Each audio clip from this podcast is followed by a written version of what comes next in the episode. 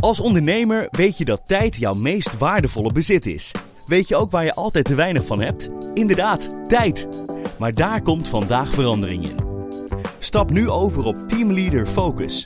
De gebruiksvriendelijke bedrijfssoftware die CRM, facturen, offertes en projectmanagement samenbrengt op één overzichtelijke plek. Zodat jij meer tijd hebt om te doen waar je echt goed in bent. Tijd om te ondernemen. Teamleader. Kijk op focusopjebedrijf.nl.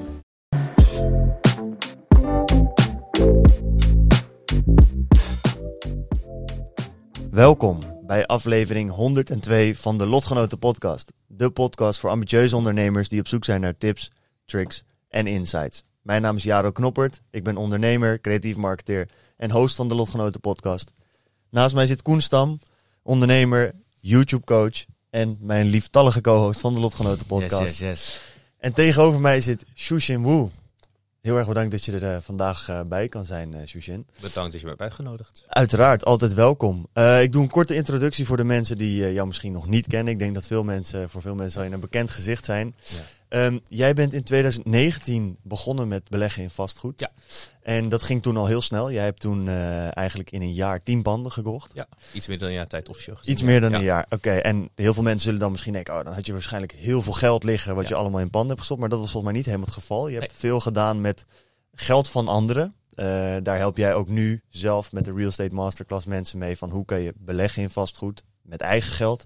maar hoe kun je dat ook doen met geld dat je misschien niet hebt... Mhm. wat je van anderen kan aantrekken. Ja. Je hebt nu hoeveel studenten geholpen? Oef, ehm, boven de 1200 denk ik of zo onderhand. Precies, dus Ja. een hele hoop mensen geholpen om de eerste stappen te zetten in, eh, in de vastgoed. Ik heb ook eh, verhalen langs zien komen van mensen. Ik volg wat mensen die bij jullie zitten, die ook echt al eh, een groot aantal panden hebben. Echt vijf tot tien stuks aan panden. Dus mooi om te zien. Dankjewel. Ehm, en je hebt een boek geschreven. Dat Ja. is eigenlijk eh, hoe ik ook meer over jou te weten ben gekomen. is eh, door het boek te lezen. En eh, dat was mijn introductie tot het vastgoed. Ja. Heel veel mensen, en die vraag zul je ook vaak krijgen, eh, ondernemen is helemaal in en iedereen wil zijn centjes verdienen. En vastgoed is een van de meest bekende manieren van hoe zorg je nou dat je je vermogen ehm, veilig stelt, maar ook laat groeien. En dan heel veel mensen zeggen, ik wil het vastgoed in. Daarvoor voor jou de eerste hele brede vraag die we vaak krijgen. En ik ben benieuwd wat je antwoord daarop is. Hoe begint een luisteraar die dit kijkt met beleggen in vastgoed in een aantal stappen? Helder. Ehm, nou, om gelijk eh, met de deur in te vallen. Dat hangt een beetje af van de situatie van de persoon die dan ook dit wil leren. Ja? In principe bij de Real Estate Masterclass hebben we dus eh, nou, twee cursussen. Dat is de buy-to-let cursus, noemen we dat zo. Eh, dat heeft als intentie dus dat je leert beleggen in vastgoed.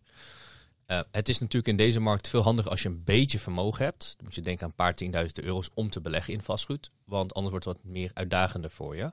En als je dat dus niet hebt, zou ik zeggen, ga starten met DealFind. En dat is eigenlijk dus deals buiten Funda om vinden. Nou, voor degenen die niet bekend mee zijn, Funda is natuurlijk de grootste website in Nederland voor eh, nou, eh, vastgoed, voor woningen in de specifiek. Maar er is een hele wereld rondom Funda heen. Waarbij je dus als persoon, als je weet hoe je ze kunt vinden, dat dus ook kunt doorverkopen aan andere mensen met een commissie of een winst erop. Dus dat is één manier. Ehm, heb je wat geld? Nou, heel simpel. Eh, de ja, manier dat wij eigenlijk aanleren is heel simpel. Eh, eh, bij voorkeur koop natuurlijk bijvoorbeeld een off-market deal. Eh, reken gewoon het goed door. En dan krijg je ook vaak gewoon financiering erop. De vraag is alleen, wat is je financiële situatie? Wat veel mensen niet weten, is namelijk dat als jij je eerste pand gaat kopen, je inkomen niet altijd de belangrijkste is. Dus veel mensen die dan zeggen van, ja, ik heb een hypotheek nodig of, om in ieder geval een pand te kopen. Denken van, oh, ik heb een hypotheek nodig. Waarschijnlijk bij Raadbank, ING, ABN AMRO. Maar dat klopt niet. Je kunt ook gewoon een hypotheek krijgen op basis van je vermogen. Of wat ze noemen het object. En je vermogen betekent dus niet per se jouw vermogen, maar kan ook andermans vermogen zijn. Dus eigenlijk in simpele stappen wat ik altijd aanraad. Vind een deal. Zorg voor het geld. En natuurlijk moet je altijd rekening houden met hoe je gaat verhuren. En daaromheen is het belangrijkste eigenlijk demografie. Dat betekent in welk gebied ga je investeren dat op lange termijn eigenlijk stabiel rendement voor jou en mogelijk investeerder eigenlijk gaat opleveren. Ja. Ja? Kijk, een heel duidelijk verhaal. Ehm, dat vind ik ook wel interessant. Dat er is een soort van eh, beeld een beetje ontstaan van stop je geld in stenen en dan wordt het altijd meer waard. Eh, nou, wij weten eh, redelijk goed dat dat niet altijd zo is. Eh, ik heb genoeg verhalen, verhalen gehoord ook van vrienden van mijn ouders bijvoorbeeld die nou echt serieus op een steenworp afstand woonde. Ik denk, mijn ouders woonden in deze straat, zij drie straten verder. Ja. Zij stonden onder water en mijn ouders hadden een gigantische overwaarde. Dus daar zie je al, niet alle stenen zijn equal, eh, zeg maar. Wat jij zegt over demografie, kun je daar iets meer over uitleggen voor de mensen die niet dat weten? Want je, een woning, waar kies je dat nou precies op? Ja. Nou kijk, demografie bestaat eigenlijk meerdere componenten. Maar voor mij, om een simpel voorbeeld te geven, ehm, eh, of misschien een vraag aan jullie stellen. Denk jij dat Amsterdam op lange termijn zal groeien als stad of niet? Ja, Ja? Ja. 100% zeker? nou nooit 100% Op een la- op hoeveel zeker, termijn? maar... Op- op- Op 30 jaar, 20 jaar, 10 jaar, op lange termijn? En Denk- groeien qua inwoners Volking, en ja. vragen om Ja. woningen, ja, ik denk het wel. Ja, oké, helder. En denk jij dat er meer vastgoed zal worden gebouwd dan dat er momenteel, of sorry, op lange termijn dat, sorry, stap terug. Dus je denkt dus op lange termijn dat de bevolking zal doorgroeien in Mhm. Amsterdam, toch? Ja. Denk jij dat de Nederlandse overheid of gemeente Amsterdam meer huizen zal bouwen dan dat de vraag zal zijn in de gemeente? Nee. 100%? Serieus? Jullie geloven niet in de Nederlandse overheid dat ze meer huizen zullen bouwen dan dat vraag zal zijn? Nee, want dat doen ze al jaren niet. Oké. Ja, precies. Want eh, waar- waarom zouden ze huizen bouwen als er geen huizen nodig zijn? Dat vraag ik dus aan jou. Ja, dus dan zeg ik van nee, dat zouden ze niet doen. Ja. Behalve dus- als ze mensen uit het buitenland zouden halen om het aan te gaan trekken, dus de vraag gaan creëren. precies, dat zou een optie zijn. Maar eigenlijk als je dus al denkt op lange termijn dat er meer vraag zal zijn dan aanbod, dan heb je toch geen probleem? Ja. Dan heb je een, een, eigenlijk een, een proven strategy, of gewoon op lange termijn, waarmee je gewoon rendement kunt maken.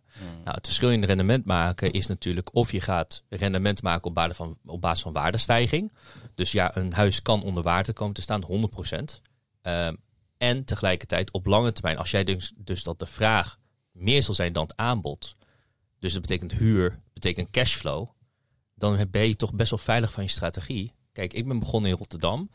Eh, in een periode eigenlijk toen ik, eh, nou ja, eigenlijk een beetje bij stomgeluk eigenlijk achterkwam dat als je kijkt naar de vijf grote steden, eh, Rotterdam de tweede grootste stad is van Nederland. Op lange termijn altijd zal door blijven groeien.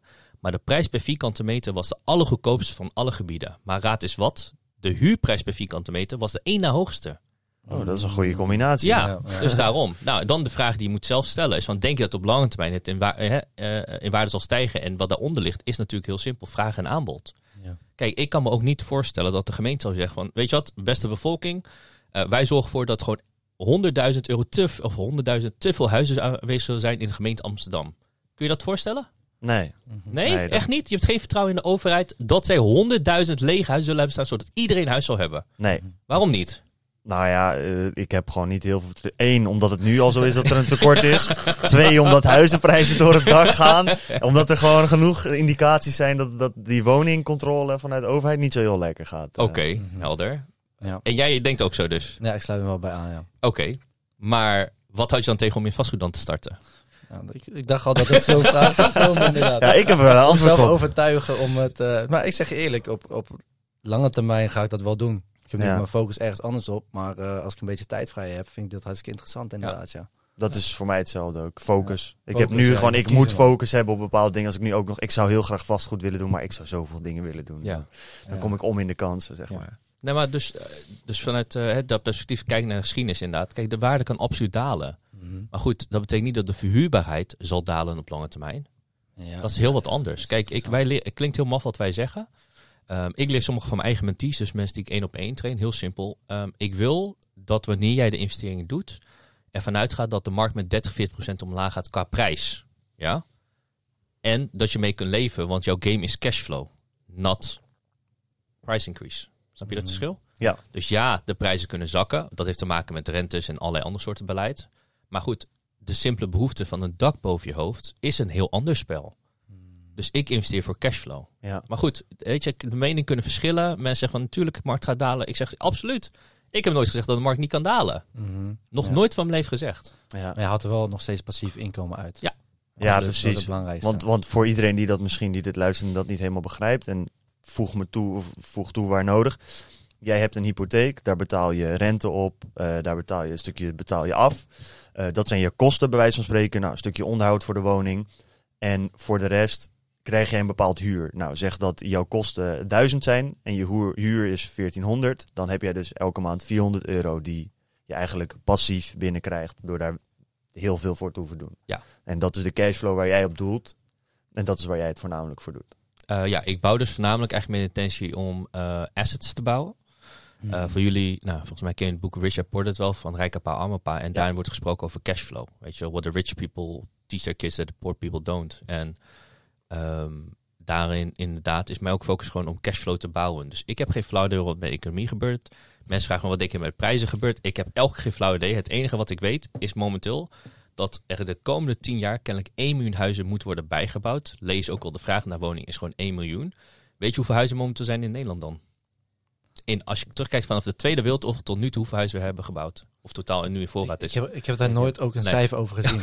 Ik heb echt geen idee. Nou, er zijn dus 4,5 miljoen huizen. Daar hebben we dus dan, nou, zeg maar, give or take 80 jaar over gedaan. En we gaan binnen 10 jaar tijd 1 miljoen huizen moeten extra bijbouwen. Zie je dat gebeuren? Nee. Nou ja, dat gaat niet 100 gebeuren. Ja, ja, dit wordt nooit. weer zo'n vraag. We gaan onszelf ook...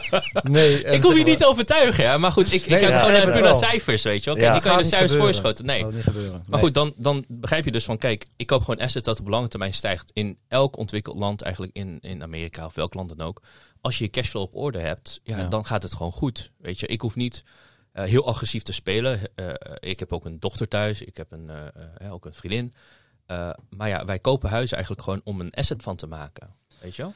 En hoeveel, hoeveel startbudget? Kijk, of je moet een investeerder zoeken, wat je zei. Of je hebt een eigen budget nodig. En toen zei je net iets van een paar tienduizend euro of zo. Maar hoeveel kan je nou echt... Hoeveel moet je sparen om daarmee te kunnen beginnen? Kijk, ik, ben, ik heb nog nooit een huis gehad. Ik eh, woon nu nog bij mijn ouders. Ik ga binnenkort wel mezelf eh, wat huren.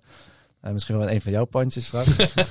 maar kijk, Ik zou kopen, maar goed. Ja, Ik- precies. Maar dat ga ik nog later doen. Ik ga nu gewoon goedkoop. Maar straks heb ik bijvoorbeeld heel veel gespaard. Zeg maar 10 of 20.000 euro. En dan denk van, ja, oké, hoeveel heb ik nodig om nou echt te gaan beginnen? Nou, dan hangt echt een beetje van het gebied of waar je gaat investeren. Dus als je Ja. kijkt dan bijvoorbeeld naar eh, Rotterdam, ja, daar moet je praten over 70.000, 80.000 euro inleg momenteel. Ja. Eh, op een, een beetje normale deal, zeg maar. Maar goed, ga je naar het oosten of veel meer naar het zuiden of Limburg, ja, dan ga je gelijk naar misschien 40.000 euro of zo. Oké, Dus het is, eh, het is veel minder bij- in de andere gebieden. Ja, oké. En als je dan zegt van, oké, ik heb het geld niet. En ik wil gewoon zonder 1 rode cent wil ik gewoon kunnen gaan investeren. Ja. Dan heb je dus wel een investeerder nodig. Daar hoor ik wel eens vaker mensen over. Ja, zoek een investeerder. Maar ja, hoe ga je zo'n persoon vinden dan? Ja, heel makkelijk. ja, dat, dat hoop ik wel, ja. Nou, kijk, het, heeft, het is iets meer dan alleen een kunstje om eh, geld te vinden. Kijk, ehm, eh, eh, het heeft een, meerdere componenten, weet je wel. En ik zal even drie toelichten. Hmm. Eén is van, ehm, wanneer je naar investeren toe gaat, moet je natuurlijk iets te bieden hebben. Een van de belangrijkste vragen die een investeerder zal stellen is, hoeveel rendement ga ik erop maken? Nou goed, als je cijfers niet kent, kun je dat vraag niet eens beantwoorden. Ja, en het tweede is van, als je het geld ook niet hebt en je gaat in gesprek met de investeerder, eh, de vraag die hij altijd is, heb je wat te verliezen of kan ik in ieder geval vertrouwen? Weet je, de, de transfer of money gaat echt niet over van alleen hoe goed de deal is. Het gaat ook van, kun je als persoon betrouwbaar zijn? Zul je je woord nakomen? Zul je verantwoordelijk zijn? En dat soort dingen. Dus wat je dan vaak ziet bij mensen die dan zeggen, oh lekker, ik ga lekker geld van andere investeerders gebruiken. eh, weet je, is meer van, oh hoeveel kan ik winnen? En fuck de investeerders zeg maar een beetje. Hmm. Weet je, dus het gaat niet om een, een, een- win-win situatie voor beide. Het gaat om van, nou ja, weet je, als hij verliest, lekker zijn probleem. Goed, dat heb ik niet met mijn investeerders. Maar als je een goede, betrouwbare persoon bent, dan denk ik oké, hoe kan ik ervoor zorgen dat ik het op zo'n manier opzet, dat beide partijen gewoon winnen. En dan is dat veel makkelijker. En derde is van, het is makkelijkst om al te beginnen in je omgeving. Altijd. En dan gewoon te netwerken. Hmm. Er zijn nog wel heel veel, nou ja, weet je, tips en tricks qua details die we natuurlijk onze cursisten leren. Maar goed, dat zit in onze cursus. Dus Ja. vandaar. Ja. Oké, en want dat, eh, de eerste vraag die ik mensen nu al bij zichzelf voorstellen is van ja, maar waarom zou zo'n investeerder in hemelsnaam mij geld geven om Ja. te gaan investeren? Hij kan toch zelf huizen gaan investeren en dan pakt hij al de winst voor zichzelf. Waarom zou hij mij daarbij betrekken? Goed, nou, ik ga dit terugvragen naar jullie keer. Daar leren jullie gelijk ook dat van. Oké, jullie zijn drukke ondernemers, toch? Dat gaat klopt. goed met jullie bedrijf. Waarom gaan jullie niet in vastgoed investeren? Focus, geen Ja, tijd. Geen tijd, precies. Ah, nou, dat is ja. ook een goede reden. En zo heb je nog tien andere redenen. Ik heb onderhand ja, wel best wel meer redenen gehoord. Het kan zijn ehm, bijvoorbeeld dat ze wat eh, ja, tijd, ehm, eh, eh, geen zin in hebben, geen zin in eh, huurders of weet ik veel, dat soort dingen. Dus je hebt heel veel redenen dat je bijvoorbeeld... Ja, alles wat er eigenlijk bij komt met hu- huren of verhuren. Ja. Als je gewoon geld geeft, dan is het gewoon alleen geld geven en geld innen en that's it. Correct. En dus dan heb, als je wat kennis hebt en ervaring, is het natuurlijk gewoon veel makkelijker. Weet je, het is makkelijker natuurlijk om geld op te halen als je wat kennis en ervaring hebt. En kunt aantonen, zo werkt het, zo werkt het, zo werkt het, zo werkt het. Ja. Ja, dus je, vandaar, je levert eigenlijk heel platgeslagen, je levert eigenlijk gewoon een dienst Ja. aan die investeerder. Ja. ja. absoluut. En ook eh, investeerders met eh, momenteel meer dan 100.000 euro betalen negatieve rente van minus 0,5 procent. Ja. En weet je En dan heb je mensen... nog niet over de inflatie. Dan heb je nog niet over de inflatie inderdaad. Ja. Weet je, en eh, dit, dus dit is best interessant altijd. als je realiseert dat ongeveer, wat was het, eh 2% van de Nederlandse mensen meer dan 100.000 euro vermogen hebben, of sparen op hun spaarrekening, dan kom je toch al snel tot de realisatie dat eigenlijk op 1 op de 50 personen die jij tegenkomt geld heeft. Dat is één. En inderdaad, om een brug te slaan naar inflatie. Dus je betaalt momenteel minus 0,5% negatieve rente op je geld. Eh, wat is de inflatie nu? 6, 7% of zo? Ja, dat zeggen Eh, ze, ja. Dat is 6, 6, 7%. Dat is eigenlijk gewoon hyperinflatie. Maar oké. Oké, goed. Hyperinflatie. Nou, 6, 7% ga je Ja. vanuit. Maar wat denk je dat de rente is op, eh, op geld lenen? Oeh, daar heb ik echt helemaal geen Nou, idee van. Zit er überhaupt rente op? ja, zit al rente op. Oké. Ja, je zit dus ergens op eh, zeg maar 3,6% of zo, zeg maar, voor een hypotheek. Ja? Ja. Dan moet je even het volgende begrijpen. Ik hoop dat je me volgt hierin. En dan snap je de magie erin. Heerlijk. Als jij realiseert dat je 3,6% rente betaalt aan de bank waar je geld van leent. En de inflatie is 7%. Dan maak je toch geld door het lenen. Ja, geld. ja. Heerlijk Ja, is de bank. Ik zie de ontwaarding-. De, ja, de, ontwaarding van Ja. geld is hoger dan de kosten om geld te lenen. Ja. Dat is bizar. Dus Eigenlijk. waarom ga je dan niet investeren? Ja. Dus ga geld lenen en je maakt geld. Ja. Dat zeg je Ja. Terwijl je altijd, en dat vind ik dus heel erg apart. Misschien weet je dat. Waar komt dan het idee vandaan dat geld lenen slecht is? Het brengt risico's natuurlijk met zich mee. Mensen hebben ook de crisis meegemaakt. Weet je, de markt kan omlaag gaan. Die moeten aan je schulden voldoen. En weet je, het hangt ook net van hoe je omgaat met geld. Kijk, eh, ik ken mensen die, nou ja, eh, dankzij vastgoed in zich zoveel ge- meer geld hebben verdiend. En zoveel hoger gaan leven boven hun standaard of op hun nieuwe standaard. Goed, als de markt klapt, prijsdalingen, dat soort dingen. En misschien heb je wat probleem met cashflow. Ja, hoe ga je dat terugbetalen bijvoorbeeld? Hmm. Het, het klinkt heel af, maar hoe meer ik verdien, zeg maar, eh, hoe meer ik eigenlijk probeer aan te houden gewoon van een simpele levensstijl. Weet Ja. je, alles wordt geherinvesteerd. Ja. Want eh, sinds mijn eerste deal, wat ik me eigenlijk realiseerde ook op dat moment, was mijn allereerste deal deed ik 27% rendement op eigen vermogen. Heb je, als je dan realiseert dat je dat keer eh, een compound effect van 10 jaar doet, krijg je 11 keer je geld terug als je het gewoon 10 jaar aanhoudt. Ja. Dat is absurd, hè? Realiseer je dat? ja. Ja, dat, En dan- dat is, Als je maar één jaar uit die 10 eh, 10-jarige reeks eruit haalt, Mhm. dan heb je niet 11 keer geld terug, maar 5 keer geld terug. ja, dat gaat echt Ja. eh, extreem. Dat is compound effect. ja, Ja. dat is dat compound effect, Ja. dat gigantisch. Als je dat goed begrijpt, volgens mij, dat is in Rich Dad Poor, dat wordt dat ook wel aangestipt van als je begrijpt hoe geld werkt en dat geld een, een Geld en tijd. ja. Geld en tijd heeft gewoon een bepaald gedrag. En als je dat goed begrijpt en slim investeert, dan, ja, dan kan dat gewoon heel hard gaan. Ja. En Maar het vooral. zeven- 27% Is dat gemiddeld voor, eh, voor een, bijvoorbeeld voor... Want je hebt het nu over... eh, je zegt net rendement van 27% Maar waarop maak je dat, zeg maar? Op eigen vermogen. Op eigen vermogen. Ja, door dus- de huizen die je dus verhuurt. Ja, dus 27% was mijn eerste pand. Eh, nu zit ik, als ik een beetje normale deal doe, zeg maar 15 tot 20. Dat Ja, heeft te maken natuurlijk met de prijs omhoog zijn gegaan. Maar de Ja. deal kan er maar zo ver stijgen, snap je? ja, ja, precies. Dus dan moet je een beetje de balans daarin vinden. Eh, maar goed, als je eh, voorbij buitenlet gaat, eh, ook buiten de Randstad, waar ik dus aan het kopen ben dan, eh, dan kunnen rendementen nog agressiever zijn. Dus een paar cursisten van ons doen 30% of zo eentje. Ja, omdat dan de huizen zelf... Dan mag dat, mag dat dan gewoon? Zeg maar, dat maakt er niet zoveel uit hoeveel rendement je erop pakt. Maar in de stad heb je dus bepaalde beperkingen erop zitten. Nou ja, men, je moet je voor- voorstellen, mensen kunnen maar eh, hebben een limiet natuurlijk aan, eh, aan de huur die zij per maand kunnen betalen. Kijk, je kunt niet aan iedereen vragen van, hey, ga dit jaar 1500 betalen, volgend jaar 1700. Dat, dat is onmogelijk. Hun lonen stijgen niet eens zo snel. Nee. Weet je wel? Ja. Dus er zit een limiet aan hoeveel je aan huur kunt betalen. Dus daarom. En in de Randstad lijkt het in ieder geval een bepaald eh, limiet te hebben bereikt. Maar is goed, er zijn in Nederland nog veel andere gebieden. Eh, dus as we speak, zeg maar, ben ik nu weer bezig met een deal in het zuiden. Ja, dat, het, zelfs ik schrok van het bedrag bijna. Weet je, het is 125.000 euro voor een huis van 64 vierkante meter, zonnepanelen op en 50 vierkante meter tuin. Ja, dat teken ik gewoon blind. Ja, ja, Weet dat je? geloof ik wel. Ja, Mooi, dat is mooi. ja dat geloof Dus ik. daarom. Ja. Weet je, en eh, het is gewoon ook tijd dus om. Je moet ook tijd in eh, besteden natuurlijk om een goede deal te zoeken. Weet je, het is niet Ja. zomaar van het komt uit het dak vallen. Ja, toevallig misschien bij de Estate Maskas iets meer natuurlijk, want we ook dealfinders trainen. Maar eh, vandaar. Ja, dat, dat vind ik wel eh, een interessante ook om. eh, want wat je net zegt is eigenlijk eh, voor veel mensen die dit bijvoorbeeld kijken, denk ik niet iedereen heeft gelijk 40.000 euro liggen. Wil Nee. misschien wel beginnen met vastgoed. Dat is dan mogelijk als je iemand zoekt die bijvoorbeeld de, daarbij kan helpen. Dus iemand heeft geld over, dan doe je het samen. Maar dan moet je wel die skills hebben, zeg je. Van je moet wel bepaalde skills hebben ontwikkeld om dat te begrijpen. Hoe ga je die dan ontwikkelen als je eigenlijk... Je hebt niet je eigen geld om mee te testen, want dat kan niet. Ehm, hoe ontwikkel je jezelf dan? Nou, we hebben in principe drie skills nogmaals, hè, dat we daar mensen trainen. Dus dealfinder, buy to let en eh, nou, ja, weet je, transformatieprojecten. Om even een kleine introductie te doen. DealFinder is echt ideaal voor mensen die eigenlijk eh, nou ja, echt gewoon geld willen verdienen. Laat ik het zo plat zeggen. Dat is dus gewoon, je vindt een deal, je krijgt gewoon een paar duizend euro vergoeding ervoor. Eh, en verder is niks meer dan een beetje papierwerk, contract opstellen en beide partijen laten tekenen. En daar krijg je gewoon voor betaald. Ja, dus eigenlijk je winstmarge is 90% minimaal. Ja. Eh, ik hou van winstmarges trouwens. Dan Ja, daarom. vind ik prima. Mooi rekenen. Precies. En dan het tweede is dan eh bij to let. Dus dat is natuurlijk koop Ontario. En derde is transformatieprojecten, waarbij je gewoon een gebouw koopt en eh, nou, het omzet eigenlijk naar woningen. Nou goed, zoals je begrijpt, het makkelijkste niveau is dan gewoon te starten met Dealfinder. Waarom? De hele markt, echt zoveel investeerders zijn op zoek naar een goede deal. Meer dan je kunt voorstellen. Weet je, zijn nu is momenteel meer geld in de markt dan dat er goede deals zeg maar, in de markt zijn. Dus als jij een deal hebt, is dat makkelijk te verkopen.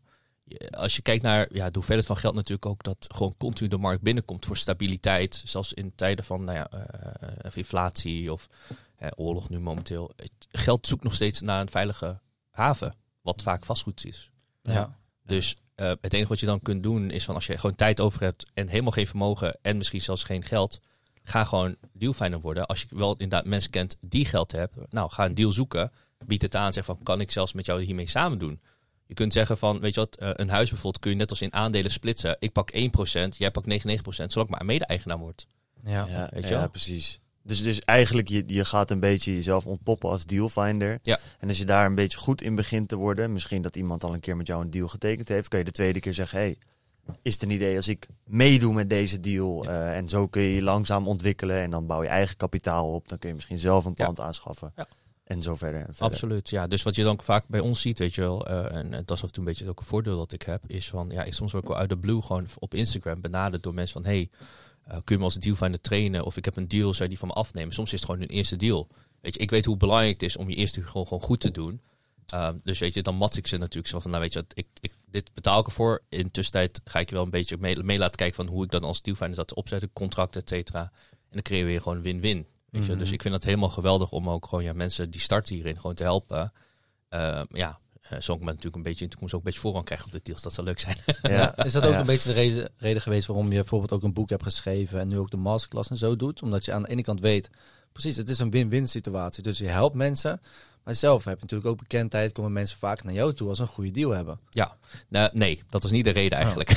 Ja, het zou wel een goede reden zijn. dat klopt, maar dat is nooit de reden geweest. Goed Nee, het is, eh, het is eh, een beetje een ehm, ehm, ja, onverwachte rollercoaster geweest, laat ik het zo zeggen. Ik begon namelijk inderdaad met investeren in 2019 en 2020 gaf ik mijn eerste real estate masterclass, toen tijd in het Engels.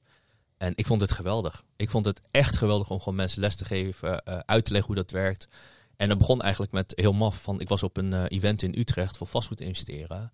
En eh, opeens moesten we allemaal ons handen opsteken van hoeveel panden heb je nou? Op een gegeven moment had ik gewoon tien panden. En ik was eh, een van de drie of twee mensen die daar aanwezig was, die gewoon zoveel panden had. En dat was gewoon heel maf. Van hoe de hel kan iemand die in loondienst zit, nog, en want mijn salaris was ook niet zo hoog, zoveel meer panden hebben. En toen begon het balletje te rollen. Opeens gaf ik een weekendcursus in januari. Ehm, kreeg ik twee mentees, toevallig ook dropshippers. Robin de Floors, misschien dat je ook kent van Ecomtrix vroeger. Nee? ja, ik Ja. ken e-contracts Oké. ken ik wel. Ja, ja. Nou, dus die jongens, eh, dat zijn ook dus mijn mede-eigenaar partners ook in de Real Estate Masterclass. dus vandaar dat ik ook snel heb kunnen schalen. En vandaar ben ik dan, eh, nou ja, weet je, gewoon elke maand gewoon klassen geven. Tot zij eigenlijk eh, een beetje tegen het einde van een, hun in op één trek met mij eh, de aanbieding deed van ja, wat als we gewoon eigenlijk een, een bedrijf van maakten. Want zij hadden een cursusbedrijf. Nou, Masterclass, eh, wij waren volgens mij echt als laatste de markt opgekomen. Toen tijd had je zoveel meer spelers. En ik dacht van, nou ja, weet je waar sta ik voor als persoon? Ik kan me nog in mijn eerste webinar herinneren, waarbij ik zei van, wij worden gewoon de beste trainingsschool van Nederland voor vastgoed investeren. En dan meen ik, die kwaliteit willen we gewoon hoog houden. Ik doe liever, eh, weet je, dat we minder omzet draaien, dan dat we opgeven aan kwaliteit. Weet je, die kwaliteit moet gewoon staan en het is een beetje misschien eh, een beetje pochen over mijn bedrijf nu, maar goed, eh, je kunt ook gewoon, gewoon reviews online lezen. We hebben 1200 mensen getraind. 264 mensen hebben een review achtergelaten, waarvan nou, drie mensen niet tevreden waren over mijn boek. Maar goed, de andere mensen scoren gewoon 4,8 consistent over honderden mensen uit de vijf. Mhm. Weet je wel? En daarom zeg ik over die kwaliteit is gewoon belangrijk. We leggen alles gewoon in details end-to-end uit hoe het werkt. Ja, nice, nice. Dus zeker ook voor mensen. Kijk, ehm, ik, heb het, ik weet dus heel weinig van vastgoed. maar het is wel heel erg interessant inderdaad wat je zegt. Als ik ook, het is ook wel zo'n idee van, als je dus weinig te doen hebt. Of misschien heb je school, vind je school makkelijk. Of misschien heb je een tussenjaar. Dan is dit gewoon van een van die projecten die je gewoon heel makkelijk kan opzetten. Waarvan je weet van oké, ehm, Het is niet alleen voor nu belangrijk, maar het is ook voor later belangrijk. En het leuke is dus dat je ook gaat samenwerken met investeerders waar je weer heel Ja. veel van kan leren. Ja. Dus je gaat vroegtijdig eigenlijk mentors in jouw carrière erbij betrekken. En dat vind ik eigenlijk best wel chill, want in heel veel soorten ondernemingen dan moet je het allemaal zelf uitzoeken. Weet je, en dan ga je gewoon één jaar, twee jaar, drie jaar bezig. En dan moet je het zelf een beetje gaan leren. Of dan moet je heel veel gaan betalen voor een traject, voor een cursus of zo. Ehm, of voor, voor een, om een coach te krijgen. Juist met zo'n investeerder, dat lijkt me heel erg chill om dat ook wel samen te kunnen oppakken. Zeker. Ja, kijk, dus wat ik ook doe met startende eh, dealfinders, of dealfinders ook wat verder zijn. Kijk, eh, eh, ja, op- op mijn niveau noem ik maar zo, is het makkelijk om wat kapitaal aan te trekken voor hele goede deals. Weet je wel? Dus ook dan altijd zeg is van, weet je wat, goed, dan werken we samen. Weet je, als je gewoon echt een goede deal tegenkomt, of koop het over, of we werken samen erop. Maar vaak samenwerken gaat echt wel inhouden dat het eh, ja, toch wel vaak een wat grotere complex moet zijn. Mhm. Om eh, weet je wel, iets van te kunnen maken. Een deal koop ik gewoon van je, vaak. Ja. Ja. Ik vind het wel mooi om te zien dat eh, een beetje een soort van de verborgen kosten van eh, vastgoed beleggen. Dat heel veel mensen denken, oh ik verdien gewoon geld. Ik heb veel geld en dat stop ik gewoon in een pandje en dan krijg ik rendement, punt. Maar je ziet nu eigenlijk veel meer zeker mensen eh, dat je niet altijd eerst moet gaan denken, hoe ga ik heel veel geld verdienen en dan vastgoed doen. Je kan eigenlijk gelijk de vastgoedgame instappen. ja. Dat is heel belangrijk. En, maar ook soort van de verborgen kosten van je kan niet gewoon maar denken, oh ik koop een huisje. Nee, je moet de game begrijpen. Jezelf gaan ontwikkelen en goed weten hoe het geld werkt. Waar een pand, wat maakt een pand waardevol, wat niet. Wat moet je allemaal doen. En ik vind het mooi om dat te zien dat dat... Het gaat dieper. Het is echt een business op zich. Het Ja. wordt te vaak gezien als een eh, stukje, oh, daar stop ik geld en dat draait wel. Ja, klopt. Ja. Het is grappig altijd dat mensen ook zeggen van, eh, eh, volgens mij, eh, weet je, dat dat vastgoed soort van het eindstation is. Ook voor veel dropshippers. Kijk, ze verdienen gigantisch veel geld, maar ja, je moet rennen, rennen, rennen, rennen om dat geld bij te houden. Dan crash het en word je helemaal zenuwachtig, moet je weer iets rennen, rennen. Het is heel continu op hyperactief zijn. Vastgoed is gewoon, je koopt het inderdaad en als je het spel begrijpt, ja, is gewoon aanhouden. Weet je wel? Alleen, eh, wat denk ik wel voor, waar wij echt uniek zijn in Nederland, is van, wij kunnen de eh, methodologie van vastgoed investeren gewoon stap voor stap in details uitleggen van hoe het werkt. Wij onderbouwen al onze argumenten, bijvoorbeeld van waarom dit pand wel, waarom dat pand niet, met cijfers en data en bevolkingsgroeidata, et cetera. Dus ehm, eh, ja, weet je wel, ja, je kunt het spel spelen, maar het is nog leuk als je het spel begrijpt hoe het werkt, want dan kun je het masteren. Snap je? Ja. En als je het spel mastert, gaan de werelden echt voor je open. Mhm. Want dan is er niks meer van, hè, als je kijkt in simpliciteit, een vastgoedinstituut is niks meer dan ehm vind een deal en combineer het geld en combineer het bij elkaar. Ja. Ik weet je, ik heb nu nou, best wel meer panden. Ik heb dat echt niet verdiend omdat ik een hele goede salaris had of zo. Of, en eh zelfs de real estate masters kan er echt niet voor betalen voor wat ik nu in vastgoed heb gekocht. Ja. Weet je wel, dus ehm, daar moet je dus gewoon het standaard spel leren van vind het deal, vind het geld, combineer het bij elkaar. Dat is alles eigenlijk wat ik doe. Ja. Weet je, en die kunst verfijn ik continu, zelfs op mijn niveau noem ik maar zo, echt zo'n heel groot niveau erboven. Ik ken spelers die spelen met miljarden per deal. Ja. Weet je wel, en ze noemen wel eens, en dat bedoel ik echt niet slecht of zo, maar som, in hun wereldbeeld zijn de Code 500 jongens de armste jongetjes van de klas. Mhm. Dus, weet je, Ja. het is een, het is een hele wereld. slaat helemaal nergens op. Ja. Nee, dus weet je, je moet gewoon houden van je spel. En ik ken ook volgens mij niemand van die rijke mensen die dan zeggen van... Oh god, ik wou dat ik een miljard had extra verdiend toen ik doodging of zo. Weet je, of, of, of sterfelijk. Je moet echt een beetje houden van waar je van houdt. En voor mij lag de passie dus in, in trekking met vastgoed. Ik vind het gewoon leuk. Ja. Ik weet niet waarom, maar ik vind het gewoon leuk. Het is toch leuk? Mij lijkt het ook leuk. Ik krijg hier ook wel energie van. Nou ja, Het is wel tof. Want het is ook heel erg zichtbaar. Je koopt iets. Ja. Het is gewoon een huis waar je naartoe kan gaan. En je kan denken, oké. Ja, dat is niet de bedoeling, hè, Koen. Als je verhuurt, mag je niet zomaar naar het huis toe gaan. die mag niet thuis binnenkomen. Dat is, eh, je moet aankondigen, dat ja. Fuck you, jongens. Gewoon naar binnen. Koen wordt een hele goede verhuurder. Ja, jongens, ja, nee, ik kom niks. op Eh, fout. Ik mag elk moment binnenkomen. Ik Eh, kom- nee, juridisch gezien gaat dat eh, niet doorheen komen. Nee, nee, nee, jongens, nee. ik kom niks checken. Ik kom gewoon even genieten Precies, van ja, mijn ja. pand. Gewoon, Precies, oh, even op de bank chill, zitten. Hoe Ja, zit het? Uh, colaatje uit de koelkast pakken. Ja, Ja, precies, heerlijk, ja. man, heerlijk. Ja, ja, ja. En als je bijvoorbeeld kijkt naar, oké, je zit nog in loondienst en je hebt op een gegeven moment tien panden. Kijk, als ik denk, oké, ik eh, zit in loondienst, ik werk dus al 40 uur in de week. En je hebt tien panden, misschien ben je eh, twee of drie uur per week kwijt aan elk pand. Dan maak je in één keer een week van eh 70, 80 uur. Dat klopt ook dus. Of is het veel meer tijd, of was je veel minder tijd aan die panden kwijt? Hoe gaat dat een beetje in zijn werking? Je wilde ook een beetje zo'n geschiedenisdeel dat ik in loondienst was? Of, uh, want volgens mij Nee, heb ik ben, dat gewoon, niet kijk, ik meegekregen. ben meer benieuwd van. Sommige Ja. mensen zeggen van, oké, ja, leuk een pand, maar eh, oké, eh, het hoeft niet zoveel geld te kosten. Eh, de investeerder kan ik zoeken, dus dat is allemaal best wel handig. Nou, risico's, nou, dat is ook best wel vrij, wat je in het begin zei. Van, over tijd kan je er best voor uithalen.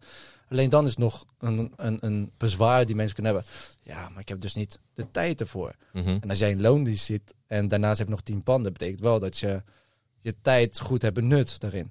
En daar ben ik benieuwd naar. Hoe heb je dat een beetje gefixt? Oh, zo, oké, helder. Ja, nee, het was gewoon. ehm, even kijken, ik was nog eh, in loondienst inderdaad toen een tijd. Dus eh, in 2018 begon ik, of tweede van 2018 volgens mij begon met leren over vastgoed investeren. En ik had geen mentor, dus wat heel veel lezen, netwerken, mensen bellen, irriteren met vragen ook, dat zeg ik eerlijk. Ehm, en uiteindelijk begrijp je de, de basis van de basis van de basis, weet je wel. En ehm, van dat punt begon ik gewoon eigenlijk gewoon een pand te proberen te vinden, aan te kopen, biedingen te doen, leren wat überhaupt een cv-ketel is en gewoon echt alles. Ehm, het moeilijkste is altijd het eerste pand. Dus op een gegeven moment had ik dat pand getekend. En ehm, het was gewoon ook, ja, eerlijk gezegd, gewoon eh, om even eh, de betrekking te doen naar mijn baan. Het was gewoon echt hard werken af en toe. Klopt, ja. Het was gewoon echt werken van hoe werkt een compleet nieuwe industrie waar je geen ervaring hebt. Hoe vind je deals? Hoe werkt het geld? En dat blijven doen, blijven doen, blijven doen, blijven doen. Eh, mijn journey naar een investeerder om andermans geld te gebruiken was ook niet zo geweldig, weet je wel. Kijk, ik had gewoon dus 9 tot 5 gewoon een baan, soms 7 tot 7 uur in de avond. En dan heb ik gewoon elke maandag bijvoorbeeld gewoon 8 tot 9 had ik ingepland om investeerders te bellen. Mhm. Ik ben volgens mij tientallen keer afgewezen hoor. Dat, dat was echt niet geweldig of zo, maar ik moest leren hoe het werkte. Dus ja, het was hard werken. Maar het verschil met vastgoed en alle andere businesses is van... je investeert één keer je tijd erin, houdt het aan voor 30 jaar. Dus je rendement op je tijd is gigantisch hoog. Want zoals je aangeeft, als je 10 panden ben je twee uur per week bezig. Goed. Hoeveel rendement maak je op per uur dan, denk je? Ja. Nou, misschien 400 euro per uur. Misschien 1600 euro per uur als je zo door zou rekenen. ja. Dus dat had ik wel snel door. Maar ja, het is wel in het begin een beetje hard werken. Ja. Voornamelijk als je het spel niet kent. Ja. En in de cursus zorg je ervoor dat zo'n leercurve eigenlijk ook wordt verkleind. Dat het sneller is. Zeker. Ja, ik heb eh, zes maanden eh, gespendeerd na zijn fulltime baan om te leren de basis van de basis van de basis. Oké, wat er nu in die cursus zit, gaat veel dieper en verder dan wat mijn kennis op dat moment was. Dit is op basis van ja, 10 plus panden, hoe je dat allemaal gebouwd hebt. Al het systeem van de bank ken je dan een beetje. Ja. En weten waar ze op letten. Dus vandaar. Oké, chill. Hebben ze dan, dan ook achteraf dat ze... eh, want je krijgt dan een cursus. Is dat gewoon puur informatie? Of gaan jullie dan, dat is misschien dan één op één coach, dat je echt gaan helpen met het eerste pand aanschaffen? Nee, dus gedurende die eh, weken traject, zeg maar, waarin Ja. je dan de cursus volgt.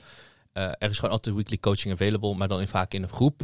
Ehm, en dan hebben we nog allerlei andere Q&A's, et cetera, die allemaal beschikbaar zijn. En dan inderdaad, in de, ons één op één traject van de mensen die wij dan één op één trainen, die garanderen we dat ze minimaal één pand binnen drie maanden tijd zullen tekenen. Dat, dat is tot nu toe altijd gelukt. Al onze één op één mentees, eh, Simon de Raad is bij jullie geweest, Joshua is bij jullie geweest en weet ik, heb nog meer mentees die ik heb getraind. Ja. Eh, weet je, 30% tekent hun eerste deal in hun eerste maand. 80 tot 90% tekent nu hun eerste pand in twee maanden tijd. En 100% altijd bij drie maanden tijd klaar. Dik. Cool. Die beloftes geven ook contractueel. Oké, tof. Ja, nee, maar dat, dan sta je ook achter de waarde die je biedt en het product Ja. dat je aanbiedt. Dus dat is denk ik heel sterk. Ik eh, wil iets meer ingaan op je. Je vertelde net al een beetje hoe het allemaal begonnen is. Eh, we zijn nu heel erg eh, ingegaan op, eh, nou, noem het, de kosten van investeren. Ja. Maar ik kan me ook heel goed voorstellen dat jij persoonlijk heel veel kosten hebt betaald. Als in niet direct geld, maar zweet, bloed, zweet en tranen, zeg maar. Allereerste vraag, hoe ben je ooit begonnen? Je had gewoon een, een, een in loondienst, was je aan het werk. En ineens had jij een idee, oh, ik wil in vastgoed beleggen. Hoe is dat ontstaan? Eigenlijk door het boek eh, Richard Poordad. Ehm, even kijken, ik had mijn eigen woning in 2017 gekocht. In 2018, volgens mij las ik dat boek dus van Richard Poordad. En toen begonnen mijn ogen te openen. En op een gegeven moment dacht ik van, nou weet je, ik ga gewoon leren vastgoed investeren. Om heel eerlijk te zijn, eh, ik krijg heel veel mensen die bij me op een interview komen voor een één op één traject. En het, is- het is echt heel grappig, want iedereen zegt, ja, ik droom al 10, 20 jaar over vastgoed investeren. En toen ik ermee begon, dacht ik van, het is de meest domste dingen dat ik ooit in mijn leven geho- gehoord had. Wie wil nou in vastgoed investeren? Al je geld gaat in één object en dan wat. Mhm. Weet je wel? Totdat ik begreep van, oh shit, het, het, het gaat niet om het geld van spel. Het gaat om het spel van tijd. Mhm. Want ik realiseer me dus hè, eh, op dat moment, eh, ook door het boek van Richard Poordad, ja, als je hoe meer assets je hebt, zoals huizen kopen, één, je wint enorm in tijd, maar ook de waarde stijgt en je verdient gewoon cashflow op een stabiele manier op 30 jaar lang. Dat is toch insane? Je koopt iets als je 30 jaar lang gewoon elke dag gewoon, of elke maand geld voor krijgt eigenlijk.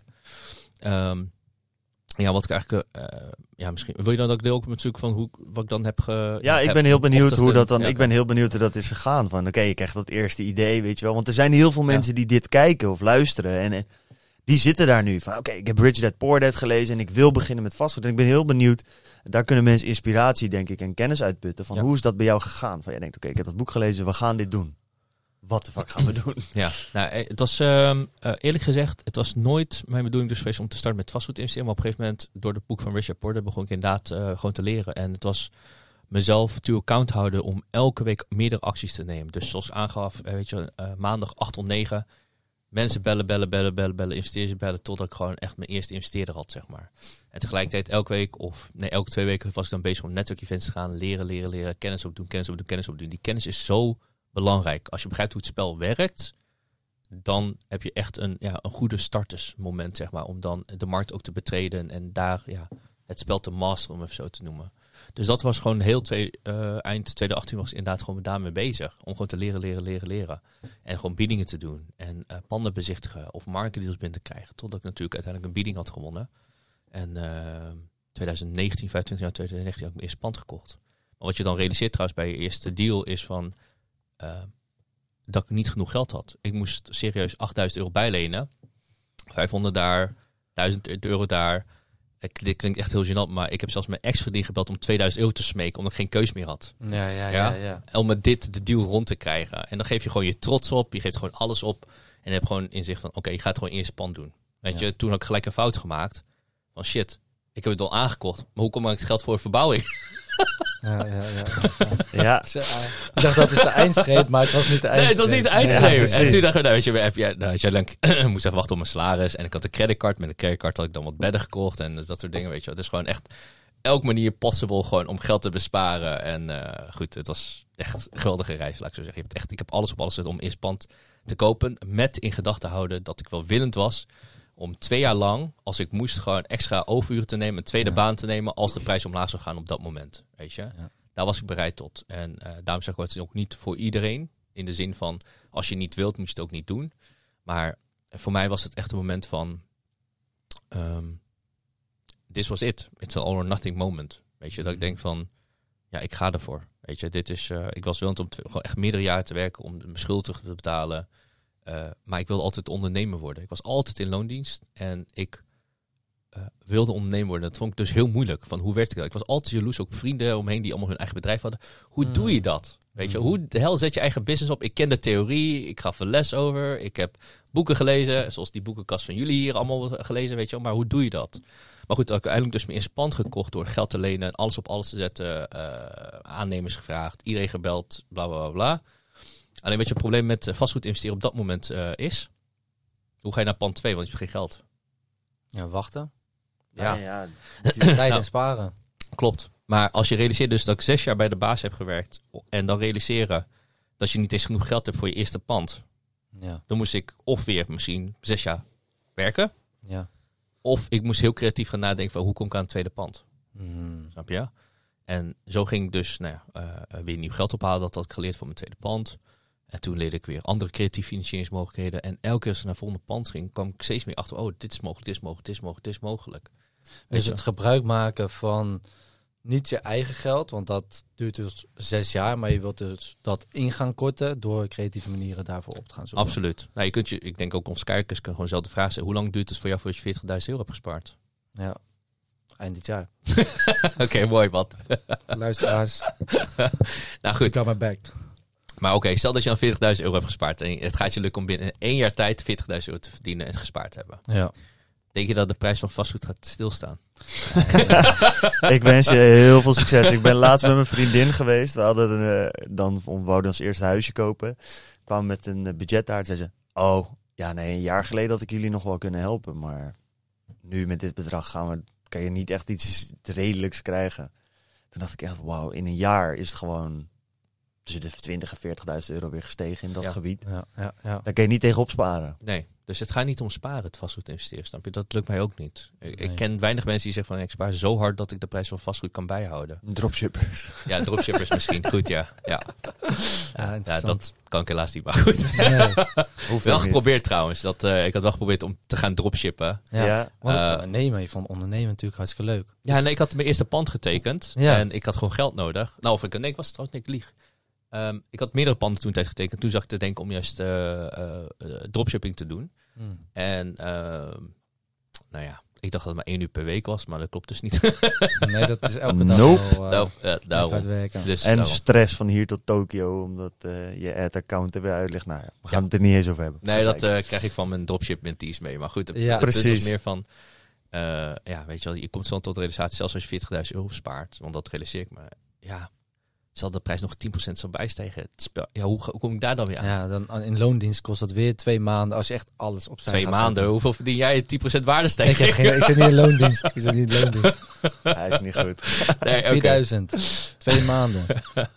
Als je Ja. ongeveer 2000 euro per maand Ja, maar bro, Nee, nee, nee. 4000 euro bruto, daar blijft lang geen vier van over. En dan moet je nog je vaste lasten. Dat, dat, zo snel gaat het helaas niet. Mm, mm, mm. Nee, dus de prijs van vastgoed kun je niet tegenhouden met of sorry, je kunt niet hard genoeg sparen met de prijs waarop de, pri- eh, de prijs van vastgoed nu stijgt, zeg maar. Ja. Ehm, en er moest gewoon snel tot realisatie komen. Dus het is onmogelijk voor mij als persoon om die prijzen tegen te houden of tegen te werken of te sparen. En dan ga je dus naar creatieve, eh, ja, creatievere manieren van financieren. En dat leerde ik dus mezelf steeds meer en meer en meer aan.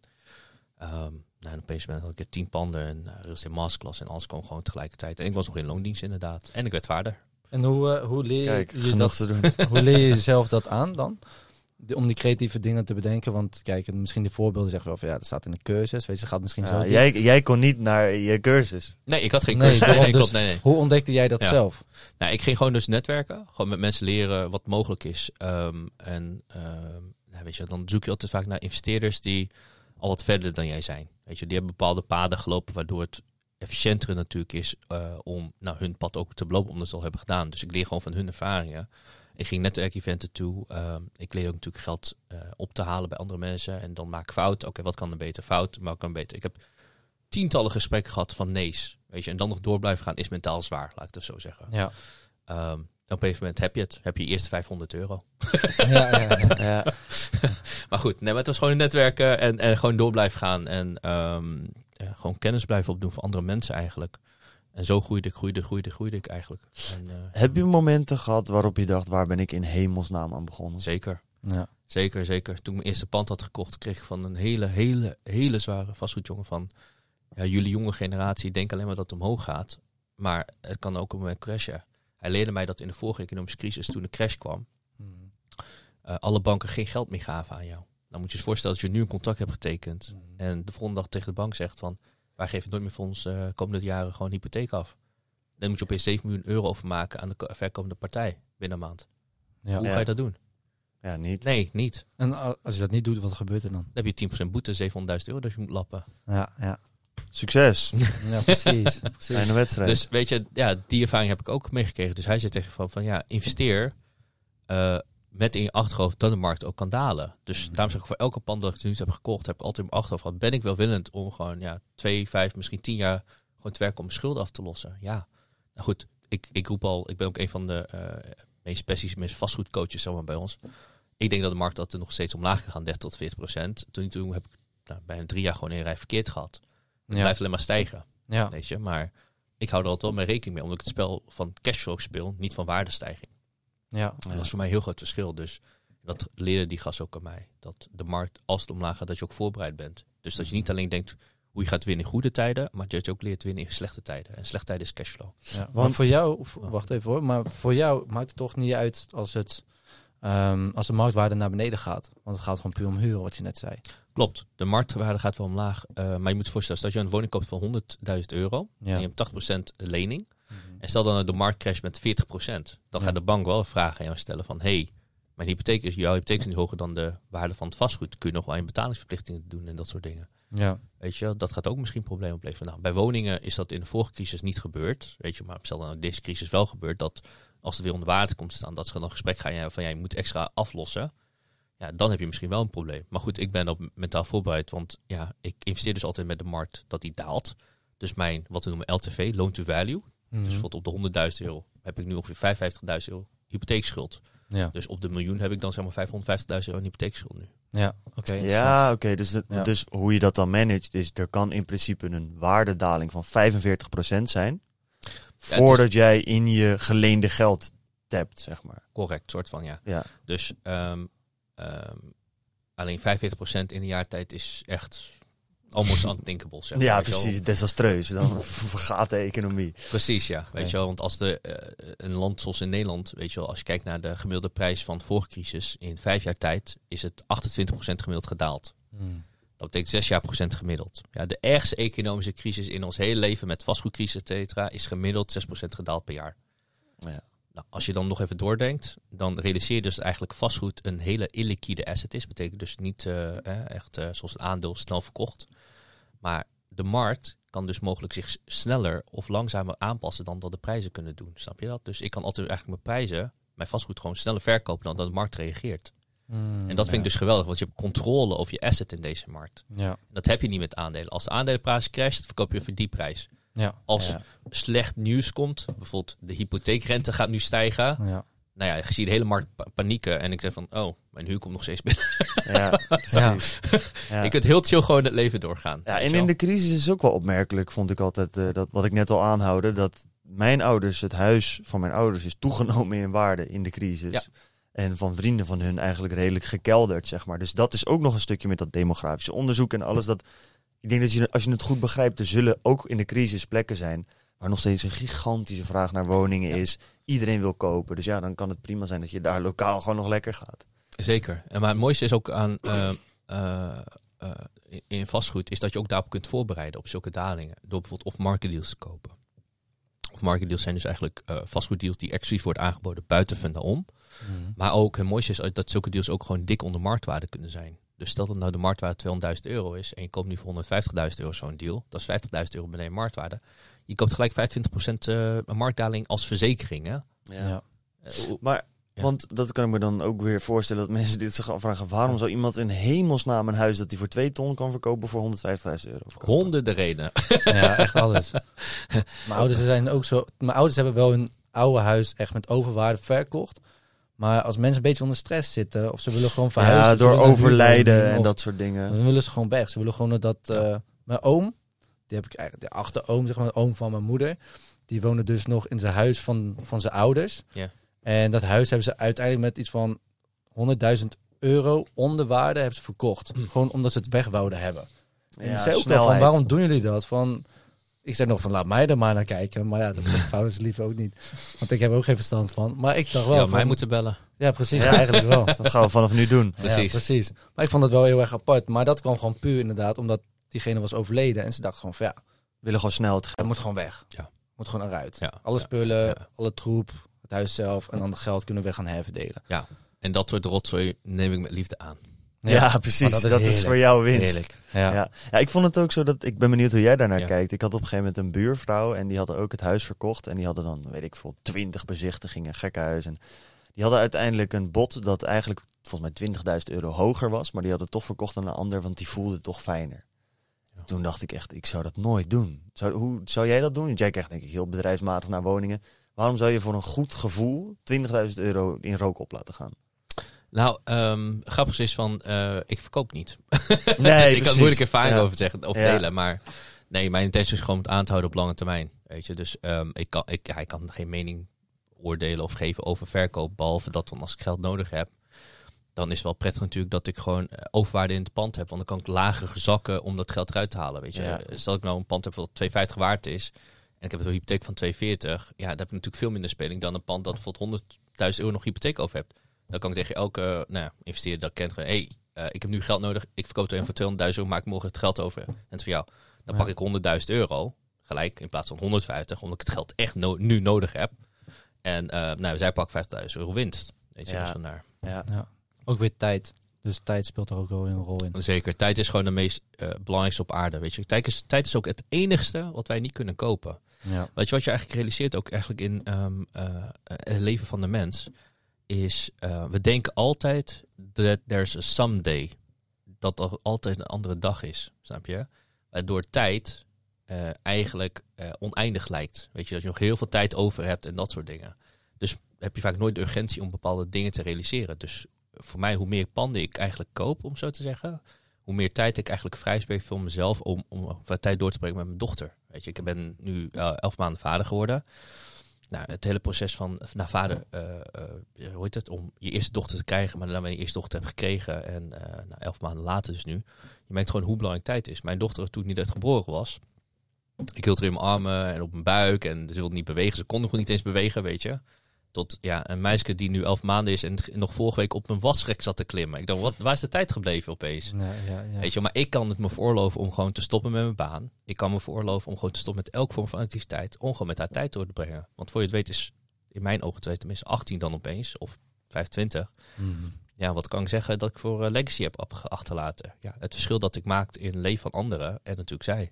Ja. Ja, dat vind ik wel mooi, want je zegt eigenlijk in één zin tijd is het enige wat niet te koop is. Ja. Maar eigenlijk dus ook wel. Want je koopt ja. op een bepaalde manier tijd met je dochter. Ja, dat is waar. Dat is Ja, waar. Ook Ja, dat is-. Ja. Ja, dus er zijn niet veel dingen in leven inderdaad waarmee je, eh, ja, als je iets koopt, eigenlijk meer tijd kunt ehm, vrij spelen, laat ik het zo Mhm. zeggen. Ja. Tijd Ja. fysiek kun je natuurlijk niet kopen, maar je kunt altijd meer tijd vrij spelen of de luxe hebben om te doen wat je wilt. Ja. Kijk, ik, eh, ja, dus dat, ja, hoe meer panden ik eigenlijk koop, ja, hoe meer tijd ik vrij kan maken als ik dat zou willen. Als gaat heel real estate maskers omvallen, al gaat alles omvallen, ik heb gewoon mijn panden. En dat is oké. En van daaruit bouw ik weer iets nieuws. Dus ook de, hè, de, de, de, ik weet niet welk boek dat was of theorie van om meerdere inkomstenstromen te hebben, is ook gewoon geweldig. Dat is ook gewoon meer tijd dat je creëert. Ja. Dus en ja, tegelijkertijd weet je, ik hou gewoon van werken. Dus ik zie me echt niet, eh ik wil komen Het is je 70 passie. jaar. Het is mijn passie. Ik vind het geweldig om ook gewoon de weekendcursus te, te geven. Dus ik zou ook gewoon elke, elke maand gewoon een keer gewoon voor de classroom tientallen mensen aan wie ik les mag geven. En altijd leuk trouwens. Ik vraag van wie is altijd sceptisch, weet je, aan het begin. Eh, en het is altijd 70% of zo. Zondag zijn, is iedereen om. Vind ik geweldig. Omdat, Ja. weet je, ik kan je heel logisch uitleggen hoe dingen werken. Ja. Weet je, zonder eh, het erin te drukken, je te forceren. Ik kan je gewoon met logica alles end-to-end laten zien. Wat je net ook bij ons deed. wat ik ook bij jullie net Ja, deed, ja, dat is wel heel slim. Ja, Heel maar het- het- ik hoef ik Heel weinig mensen dat, ja. Ja, maar ik hoef het ook niet te forceren. Weet je, als jij Nee. gewoon heel simpel begrijpt, bijvoorbeeld dat voorbeeldje wat we net hadden. 4,5 miljoen huizen zijn er in Nederland sinds de Tweede Wereldoorlog, zeg maar. Weet je, en zijn dingen verwoest, opgebouwd en whatever. Ja. Maar je hebt nu een woningvoorraad van 4,5 miljoen huizen. En dan wordt aangekondigd dat 1 miljoen huizen worden bijgebouwd in 10 jaar tijd. Nou, dan is dan jullie de keuze om te denken van, ja, is dat logisch of niet? Is dat haalbaar of niet? Ik hoef niks voor te doen. Er zijn vast wel mensen die zeggen van, dat gaan we 100% halen. Ik hoop ook dat we meer huizen bouwen. Dat begrijp ik echt niet verkeerd, want daar ben ik ook mee bezig. Maar, eh, Maar niet te snel. Nee, dat maakt mij niks uit. Nee. Kijk, zelfs op een miljoen huis als je bijbouwt voor 5,5 miljoen. Ik heb een aantal dingen geleerd in de geschiedenis. Eén, ehm, in tijden van economische crisis stijgt de bevolking nog harder. Dat is één. Tweede is, zelfs als de economie goed gaat, stijgt de bevolking verder. Ten derde is van, zelfs als je 1 miljoen huizen groei bijbouwt. doe je dan? Gewoon meer Ja. bevolking? Meer Ja, ja, ja. En dan derde is dan inderdaad, eh, zelfs als je 1 miljoen huizen bijbouwt, nou, de, de waarschijnlijkheid dat een gemeente of überhaupt de overheid gaat zeggen, wij gaan altijd voor zorgen dat er meer huizen zullen zijn dan dat de bevolking is, is klein. Want dan zullen alle huizenprijzen in de gemeentes gaan zakken. Ja. Juist. En daar zit ook weer een stukje banken. Banken hebben veel geld, invloed. Gemeentes krijgen misschien hun eh, inkomsten niet vanuit belastingen. Ja, Exact. Dus het is eigenlijk een doorgestoken kaart, het vastgoedspel, als je over nadenkt. Ja. precies. Oké, slim. En ik, eh, ik ben nog wel benieuwd, Ja. want ze zei op een gegeven moment ook van... Je moet heel veel kennis opdoen om natuurlijk je eerste pand te kopen. Maar dan moet je hem nog behouden en onderhouden. Ja. Ehm, dat is natuurlijk ook weer een nieuw spel. Je hebt hem dan wel leuk aangeschaft, maar ja, misschien gaat er wel van alles fout. Bijvoorbeeld mijn broer, die had dus eh, laatst een eh, nieuwe woning samen met zijn vriendin, ook gehuurd. Hartstikke leuk en aardig, maar na een paar dagen werd hij weer eruit gestuurd. Want ja, binnen 14 dagen of zo stond nog in het contract dat ze ook weer eruit, eh, mochten gestuurd worden. Ehm, maar dat is dus, ze hadden toen heel veel bonje gekregen met de verhuurder. Want zij zeiden van ja, het slaat gewoon nergens op. Dus zij ging bijvoorbeeld ook een advocaat inhuren om, daar, om dat helemaal te laten checken en zo. Ehm, hoeveel gezeik heb jij wel niet gehad met mensen die bijvoorbeeld jouw pand hebben gehuurd? Nou, hele goede vraag. Ehm, als je vastgoed gaat kopen, heb je natuurlijk een verhuurder en beheerder. Eigenlijk, moet je altijd splitsen. Dat heb ik uit ervaring geleerd. Ik heb vorig jaar wel een beheerder aangenomen dat echt zoveel gezeik heeft opgeleverd. Zelfs gezeik met de gemeente en alles kwam erbij. Eh, hele dure leerles. Dus het belangrijkste is eigenlijk dat je een betrouwbare team hebt van verhuurders en beheerders. Als je dat hebt, heb je bijna geen zorgen. Eh, mijn, eh, tot nu toe, de, ik heb eh even kijken, wanneer was vorig jaar mei ben ik begonnen met een nieuwe beheerder. Eh, en een andere verhuurder, echt top. Ik ken de huurders niet. Ik ken ze niet. Het enige wat ik weet is van, nou, dit is wat ze betalen, dit is wat ze van vinden, dit is wanneer ze vertrekken. geen gezeik met de VVE. Want als er gezeik is met de VVE, wordt ook mijn beheerder geïnformeerd. En dan word ik indirect ook geïnformeerd. Wat is VVE? Oh, sorry. Vereniging van Eigenaren. Dus in een appartementencomplex heb je dus eigenlijk natuurlijk meerdere appartementen. En samen ben je eigenlijk een soort vereniging van eigenaren wat eh, besluiten maakt waar een, ehm, nou ja, een, een pot van geld in zit voor onderhoud en dat soort dingen. Hmm. En ehm, die zorgen ervoor natuurlijk dat alles goed gaat in een pand. Dus als een huurder, noem wat, als zo een, een machinegeweer loopt te schieten of zo, ja, weet je, dan word ik daar ook van geïnformeerd. Hmm. Dus eh, ja, nee, het gaat gewoon echt lekker. Eh, je moet gewoon echt een hele betrouwbaar team om je heen hebben. Ik heb een eh, slechte beheerder gehad, eh, waar nu ook een, eh, ja, een rechtszaak mee loopt. Dus vandaar. Ja, oké. Heb je wel eens, echt een heel random vraag hoor, maar heb je wel eens gehad dat iemand bijvoorbeeld een wietplantage of zo in een woning heeft? Want dat komt ook wel Nee. voor. En volgens mij heb je dan ook echt een juridisch gezeik aan je, aan je broek.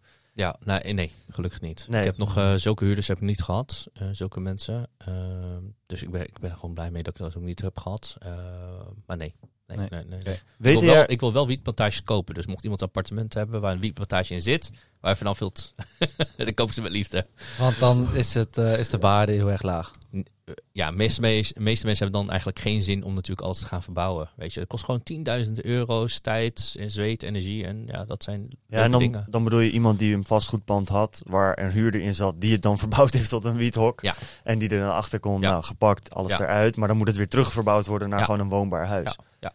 Ik zou het wel legendarisch vinden om te weten dat mijn huis gewoon, dat daar eerst een wiethok was en dat het weer terug is naar een echt huis. Ik, zou dat wel heb, grappig eh, vinden. ik heb zo'n gekocht. Ja? Ja, Ja, oké. daarom. Daarom vind ik dat, eh, het, eh, ja, dat is leuk. Ja. Leuk, en daarom wil je het Ja. vaker doen. Heb je er dan, ehm, ja, het is natuurlijk ook je passie, maar ik ben, ik ben, er altijd benieuwd naar. Heb je dan ook veel geld erop gepakt, omdat het eerst een wietplantage was? Want je hebt dan wel veel kosten, maar heb je er uiteindelijk ook gewoon meer geld uitgehaald, omdat, het, omdat de waarde lager lag of zo? Nou, ik haalde niet direct geld uit, maar ja, je voegt wel waarde toe. Weet Ja. je wel? Dus Ja. dat is het. En ehm, een waardetoevoeging, dus bijvoorbeeld verbouwen en een woning gewoon in nette staat terugzetten, is gewoon ja, waarde toevoegende activiteiten, zeg maar. ja, je Maar vermogen groeit daar flink ja, door. mijn vermogen maar. groeit. Dus ik ben, eh, eh, eh, ik, ik, ik ben niet iemand die uitcash, zeg maar.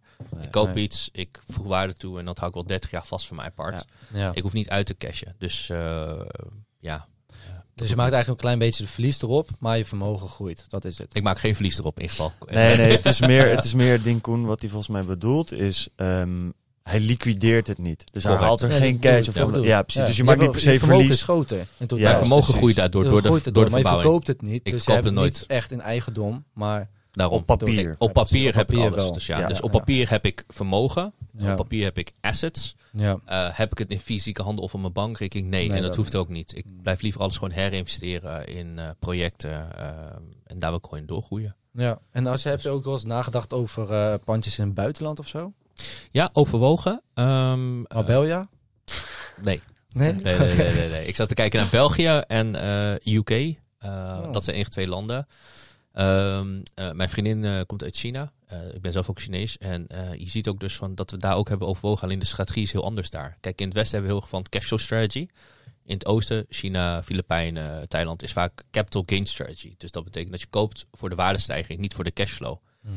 Dus, eh, maar nee, eh, UK, België, China en, eh, en UK dus eigenlijk. Ja. Ja. omdat het daar gunstig is om die pandjes te, op te kopen. En als je dan gaat verhuren, dan is dat, Ja, de ja dus, is hoger. dus ik ben echt een, een investeerder die, die doet voor ehm, eh, assets bouwen. Ten Ja. doele ook van cashflow. Weet je, dat, dat is mijn biggest goal. Ja. Waardestijging doe ik niet aan. Dat komt wel automatisch, denk ik altijd. Jij kijkt eigenlijk denk ik dan vooral naar rendement per vierkante meter. En dat zal misschien op bepaalde plekken, Ja. bijvoorbeeld de UK of België, interessant ja, zijn. Ja, ja, en de rendement ook, ook op eigen vermogen. Dus eh, bijvoorbeeld als ik een pand koop voor 100.000 euro, moet 20.000 euro, euro leggen.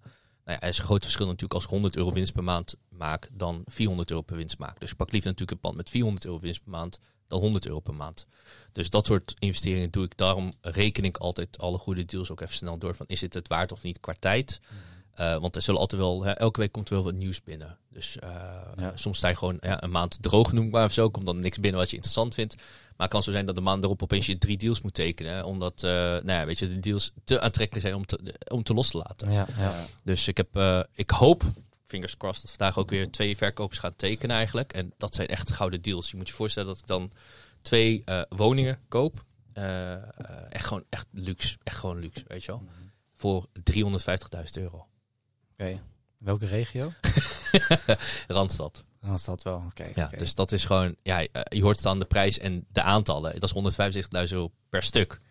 Weet je wel, als, als ze het tekenen, ja, het is gewoon echt goud waard. Dat is, oh, het was 350.000 euro totaal. Totaal, dus 175.000 euro per stuk. Dat is een verdomd goede woning. deal. Ja. Twee woningen, sorry. Ja, twee woningen per woning totaal. 175 dan per woning. Dat is... eh, Ik wist niet dat ze überhaupt zulke woningen nog had voor die prijzen. nee, daarom. Dus weet je, en dat geeft mij weer opties om dingen mee te doen of aan te houden voor de verhuur. Ehm, eh, Ja. Ik heb het geld niet, dat dat vooropgesteld. Ik heb het geld echt niet op mijn bankrekening en dan moet ik dus weer mensen gaan vinden. ja. Dus ja, voor mij is er ook eh, wel werk te doen, zeg maar, in Ja. dat sens. Maar goed, als het eenmaal staat, eh, ja, ik kan er eh, best wel lang mee doorgaan. De WOZ-waarde per appartement is nog eens 210.000 euro. Dus Ja. ik koop ten opzichte van de waarde al alleen puur ja, 35.000 euro winst, zeg Ja. maar, per stuk. Interessant, ja. Interessant. bizar. Ik heb ook ergens gele- eh, gekeken, ik zag een video ook erover, dat eh, heel veel mensen die dan bijvoorbeeld een eh, pand gaan kopen, willen het graag in een eigen omgeving opkopen. Maar dat het eigenlijk helemaal geen slimme strategie is. Want het moet eigenlijk locatie onafhankelijk kunnen zijn, toch? Omdat je eigenlijk weinig mee wordt betrokken. Dus inderdaad wat je zegt, als jij, eh, we zitten nu in Utrecht, als je in Rotterdam dus een goedkoop pandje kan halen, dat je beter voor Rotterdam kan gaan dan ergens dan in Utrecht te gaan forceren. in principe wel, ja, inderdaad. Eh, maar dat werkt natuurlijk beter als je natuurlijk het gebied kent en eh, de netwerken daar hebt. Weet je, dus als je kijkt bijvoorbeeld van, ja, ik, ik noem hem een random plaats, Be- Bennebroek of zoiets. Weet je, ja, ik ken het gebied voor geen meter. Ehm, dus ik moet dan helemaal daar naartoe gaan, wel het gebied leren en dat soort dingen. En ik heb geen infrastructuur, ook wat netwerken daar. Dat betekent VU-makelaars, beheerders en dat soort dingen. Ja, oké. Maar goed, dat als is ik naar een, eh, belangrijk, ja. ja, precies. Maar als ik dan naar een gebied ga waar ik bijvoorbeeld een, een collega-investeerder heb.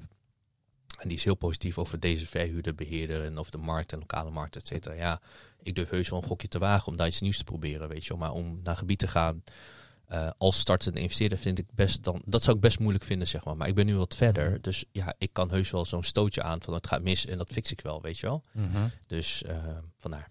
Oké, Ja, dus maar ja, het ook net al van jezelf van hij wilt, eh bij wilt investeren of ver of dichtbij. Maar Ja. ik ben wel een, een, een, een rendementsjager, zeg maar, ja. Precies. En Ja. ik heb het gevoel dat als je zegt dat het misgaat, dat het alleen veel meer moeite kost om dan in, inderdaad bijvoorbeeld een investeerder te vinden of om kennis te krijgen over dat gebied, dan dat het daadwerkelijk fout gaat als je eenmaal een pand hebt gekocht. Of gaat, kan dat ook nog wel eens fout gaan? Als je zeg maar een pandje hebt gekocht, dat het dan dat je echt dik verlies erop maakt. Heb je dat ook wel eens eerder gehad? Nee, dat heb ik niet meegemaakt, maar dat is Nee. omdat ik gewoon ja, goed wat mijn huiswerk zeg maar doe. Ehm, heb je dat ervaren bij je studenten? eh, Gewoon mensen die roekeloos bezig zijn of zo? Roekeloos eh, niet. Nee. Eh, ik weet ook niet van alle studenten. Weet je, bij de een opeens die houden wij gewoon eh, meer in de gaten. Maar ja, er kan wel eens iets misgaan. Bijvoorbeeld dat financiering te laat binnenkomt van de. Oh ja, dat, ik heb trouwens wel meegemaakt. Ik ben twee maanden geleden afgewezen door een bank waar ik al meerdere hypotheken heb. Dus die kennen mij in principe. En dan ben ik gewoon twee keer achter elkaar afgewezen in de rij. Oh, ja. En opeens moest je een half miljoen euro op tafel neerleggen. ja. Zo, Dus ja, dat gebeurt wel eens. En dan moet je gewoon heel creatief mee omgaan van hoe je dat gaat oplossen. Weet je, wel. het is. Het was wel echt, eh, maar ik ben serieus, het was echt even slikken hè, om gewoon een half miljoen euro gewoon binnen twee weken op te halen. Het was echt, echt even slikken. ja. En ik heb al, ik ken ze. Eh, ze zitten zelfs in mijn cursus, die mensen. Dus het, was even, het wordt even eh, ja, on, eh, een, een eh, onaangenaam gesprek, Ja. denk ik. Wat, wat raar. Dus eh, vandaar, weet je, dan denk ik van, ehm, ehm, ja, dat gebeurt ook, maar dan moet je gewoon voorbereid zijn. Weet je, kijk, ik koop in principe zonder voorbeeld van financiering. Dat betekent dat ik de belofte doe dat op de dag van overdracht ik het geld zou hebben. En als ik het niet heb, dan moet ik 10% boete betalen. Nou, dat Ja. is per boete gewoon 10.000 euro, zeg maar, per deal. Dus hetzelfde als met de deal die ik net over had, dat is 350.000 euro. Ja, ik moet 35.000 euro aan boete betalen als ik mijn geld niet ophoest. Maar goed, dat, ik kan die risico nemen, omdat ik mezelf meer getraind heb op een bepaald niveau nu. Eh, dus dat kan, weet je wel. Maar ja, die risico's loop je als investeerder. En aan wie betaal je die 10% boete Aan de verkopende partij dan. Ik ga proberen ooit een woning en dan de heet het zorgen dat de financiering gewoon bij iedereen mislukt. en de hele zover gaat het niet. Zover gaat het niet. Zover gaat het niet. Maar, eh, dus, en, en dat zou ook een nice trick zijn. Maar Ja. grapje, grapje, nee, maar eh, dus voor mij, ehm, ja, je, je hebt ook wel risico's. Weet je wel, dus Ja. eh, dat gezegd hebben. En ja, dingen gaan ook wel mis. En ik heb dat ook nog steeds. Ook, ja. Ja, ik heb. eh, ik moet deze maand ook weer een pand afnemen. En de twee weken geleden belde een investeerder van mij en zegt van. ehm, eh, ja, misschien dat ik het geld toch niet heb. Wacht even, we hebben zes maanden lang al elke dag of elke week over praten. Het staat al klaar. En zeggen dat je opeens de last bent gewoon geen geld hebt. Weet je, ja, dan zeg je ook, "Oeh, hoe gaan we het oplossen? Dus het is, je, moet, je moet echt wel focus hebben erop. Weet je wel? Het is niet Ja. even van eh, blind geld overmaken, zeg maar. Nee, interessant. tof. Dus, en het is leuk. Ik heb nog een eh, interessant onderwerp dat ik over wil, open Ja. wil gooien. Ik ben heel benieuwd hoe je daarnaar kijkt. Ehm, er is natuurlijk een groep mensen die, eh, dit, die vindt dat het investeren in vastgoed, wat een onderdak, dat is een eerste levensbehoefte, dat je daar eigenlijk niet zoveel winst op moet kunnen maken Ja. als, als sommige mensen doen.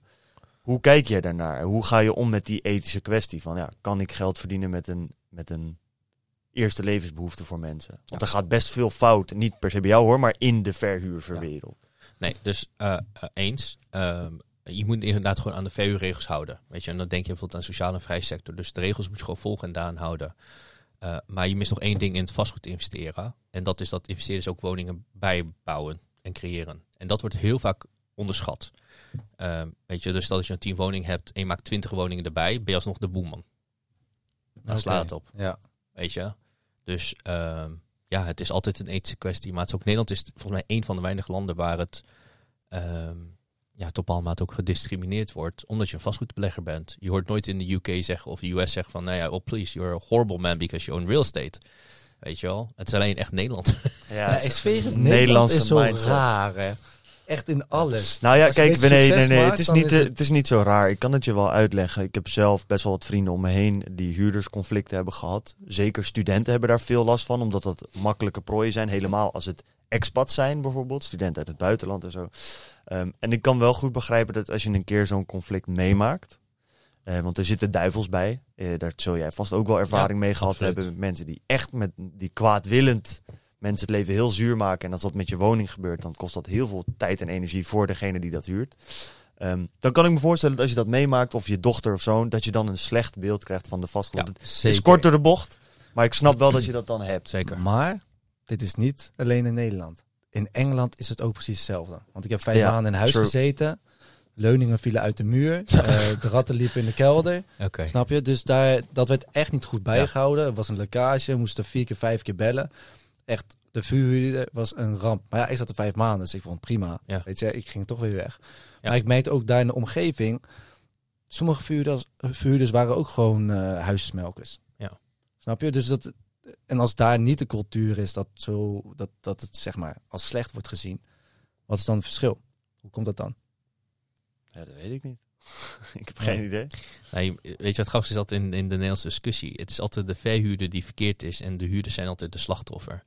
Maar ik kan je ook zeggen uit ervaring dat eh, ik ook slachtoffer ben geweest. Ik heb bijvoorbeeld bij een van de woningen, eh, dat door een eh, bepaald beheerder werd eh, beheerd en die eruit is gelukkig, eh, zijn er gewoon huurders die zijn overgebleven. Maar goed, dan kom je er voor een kwestie staan en denk serieus wat gebeurd is. Een van de huurders stak de andere neer. Ja, dat Want is- dan, dan ben ik alsnog als verhuurder aansprakelijk. Hè? In Nederland wist je dat. maar, ik moet dat oplossen. Ik moet verzorgen dat de huurder eruit gaat. Ik moet alles fixen. Ja.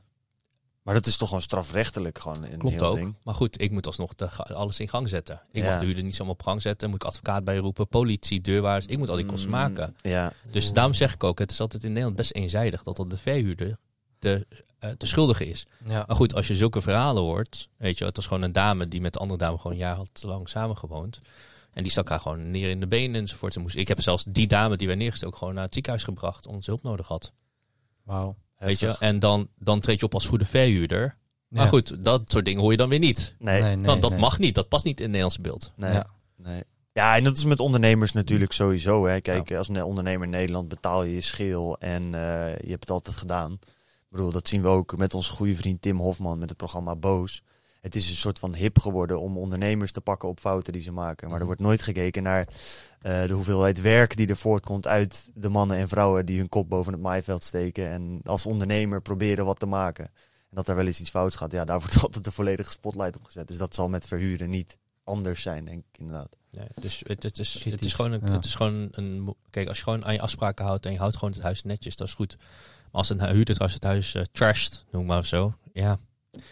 Stel dat, ik noem het schade 300 euro is, ja, dat is gewoon een beetje koppijn. Dan moet je natuurlijk wel repareren. Maar goed, In Nederland, in eh, bijvoorbeeld Engeland, is, zijn de regels anders. Of in België dan. ja, elk land heeft in principe zijn eigen regels. Ja. Ehm, dus ook in Nederland is dat natuurlijk anders dan andere landen. En eh, het is wel handig als je de, eh, de, de, de, ja, de regels zeg maar, kent, hoe het lokaal werkt ten opzichte van andere landen. Ja. Dus als je in Nederland opereert, leer gewoon de Nederlandse omgeving natuurlijk. Dat helpt gewoon echt enorm. ja. Ehm, maar ja, goed. Dus weet je, het, het, het, het zijn in elke business, dus kun je zeggen, eh, of investering heb je gewoon voordelen en nadelen. Of nou aandelen is, of crypto, of weet ik veel wat allemaal, eh, vastgoed. Ja. Heb je gewoon hiermee te maken. Maar goed, eh, ja, ik denk nog steeds vastgoed is het eindstation voor velen, denk ik, op lange termijn. Zeker weten. En, maar ook gewoon waar je dus mee kan beginnen. En dat is wel ja, dat was... eh, het kan het begin zijn en het kan het eind zijn. Ja, ja, ja, ja. Ja. ik had ook nooit verwacht dat ik met het eindstation zou beginnen. Eh, Ja. Maar ik vind het echt enorm leuk. En weet je, als je kijkt naar momenteel ook eh, de, woon, eh, de Coco, de woning noem maar zo, de miljoenenhuizen die moeten worden gebouwd. Ehm, ja, daar kun je ook als een bijdrage zijn. Weet je, daarom ben ik ook zo nu gewoon veel meer gefocust op het bouwen, realiseren van woningen door transformatieprojecten. Het maakt gewoon echt een verschil, transformatieprojecten. Ja. Dus weet je, gewoon uh, lichtstaande kantoor die je kunt ombouwen naar woningen. Of uh, weet je wel, tiny houses bouwen, containerwoningen, et cetera, et cetera. En nu hebben we ook nog te maken met de vluchtelingencrisis. Ja, weet je wel, uh, als je gewoon uh, iets aan het bouwen bent. uh, en ja, je werkt wel samen dan met de gemeente. Ja, dat helpt enorm. Weet je, kun je gewoon gelijk zulke mensen onderdak bieden. Ja. Dus weet je, drie, vier maanden ga je heus niet failliet als, uh, als investeerder. Ehm, vandaar. Ja. Mooi. Je zegt ook tiny houses. Um, de investering daarbij is kleiner, want een huis, zo'n huis kost volgens mij 10.000 euro's. Alleen het grond moet je wel hebben of kunnen kopen. Ja, maar als ik bijvoorbeeld een uh, tiny huis wil kopen, zeg maar als ik en ik wil, het, uh, zelf, ik wil zelf in gaan wonen en het moet ook kant klaar zijn, dat kost het toch iets van uh, tussen de 50 en 80.000 euro of 100.000 euro. Nou, je kunt hem ook gewoon prefab kopen. Kost misschien 30.000 euro. Zelfs op Alibaba kun je huis kopen. Ja, man. en gewoon laten bezorgen. Ja. Nee, joh. Die uh, ga ik dropshippen gewoon. Ja, Prefab huizen dropshippen. Precies. Weet je, dus ja, dat is gewoon mogelijk. Dus hangt even net of wij, wij in wilt zitten. Nog 30.000 euro dus. Ah, van mij zoals 10.000 als ik me goed niet vergis op Alibaba. Dus, okay, uh, en als je het gaat verhuren, hoeveel vraag je dan? Dat weet ik niet. Ik heb het ook nog nooit gedaan. Ik ben ook mee bezig om te leren. Mm, maar, ja. Dat is uh, wel interessant, toch? Want ja, voor, voor heel veel studenten die vinden waarschijnlijk zo'n tiny huis helemaal prima. Ja. Helemaal als het voor, wat zou het zijn dan, 6, 7, misschien 800 euro kunnen, kunnen huren. En jij kan gewoon opkopen. Dus jij zou iets voor 10.000 euro kopen en 700, 800 euro aan student gaan verhuren. Begrijp ik dat goed? Als het kan. Koen is een huisjesmelker in de making. nou ja, ik denk dat het wel goed is. Nee, goed. Nee, maar op, op Zou een jij het tiny- niet doen dan? Nou, ik, ik denk 700. Ik, ik, ik heb geen ervaring met tiny houses. Dus ik kan nog even eens geen aanspraak over doen. Ja. Maar goed, het probleem met tiny houses is gewoon land vinden eigenlijk. Weet je, en waar je het op mag plaatsen. Mm. Ehm, en ik zou liever wat grote schaal in één keer willen doen. Weet je, één tiny house voor één land. Ik weet niet of ik dat zou doen. Misschien leuk voor de ervaring, maar daarna wil je schalen. Weet je, Ja. het is net wat jullie doen. ehm, gewoon focus houden. Ja. Weet je, gewoon focus houden op waar je goed in bent en eh, daarin groeien.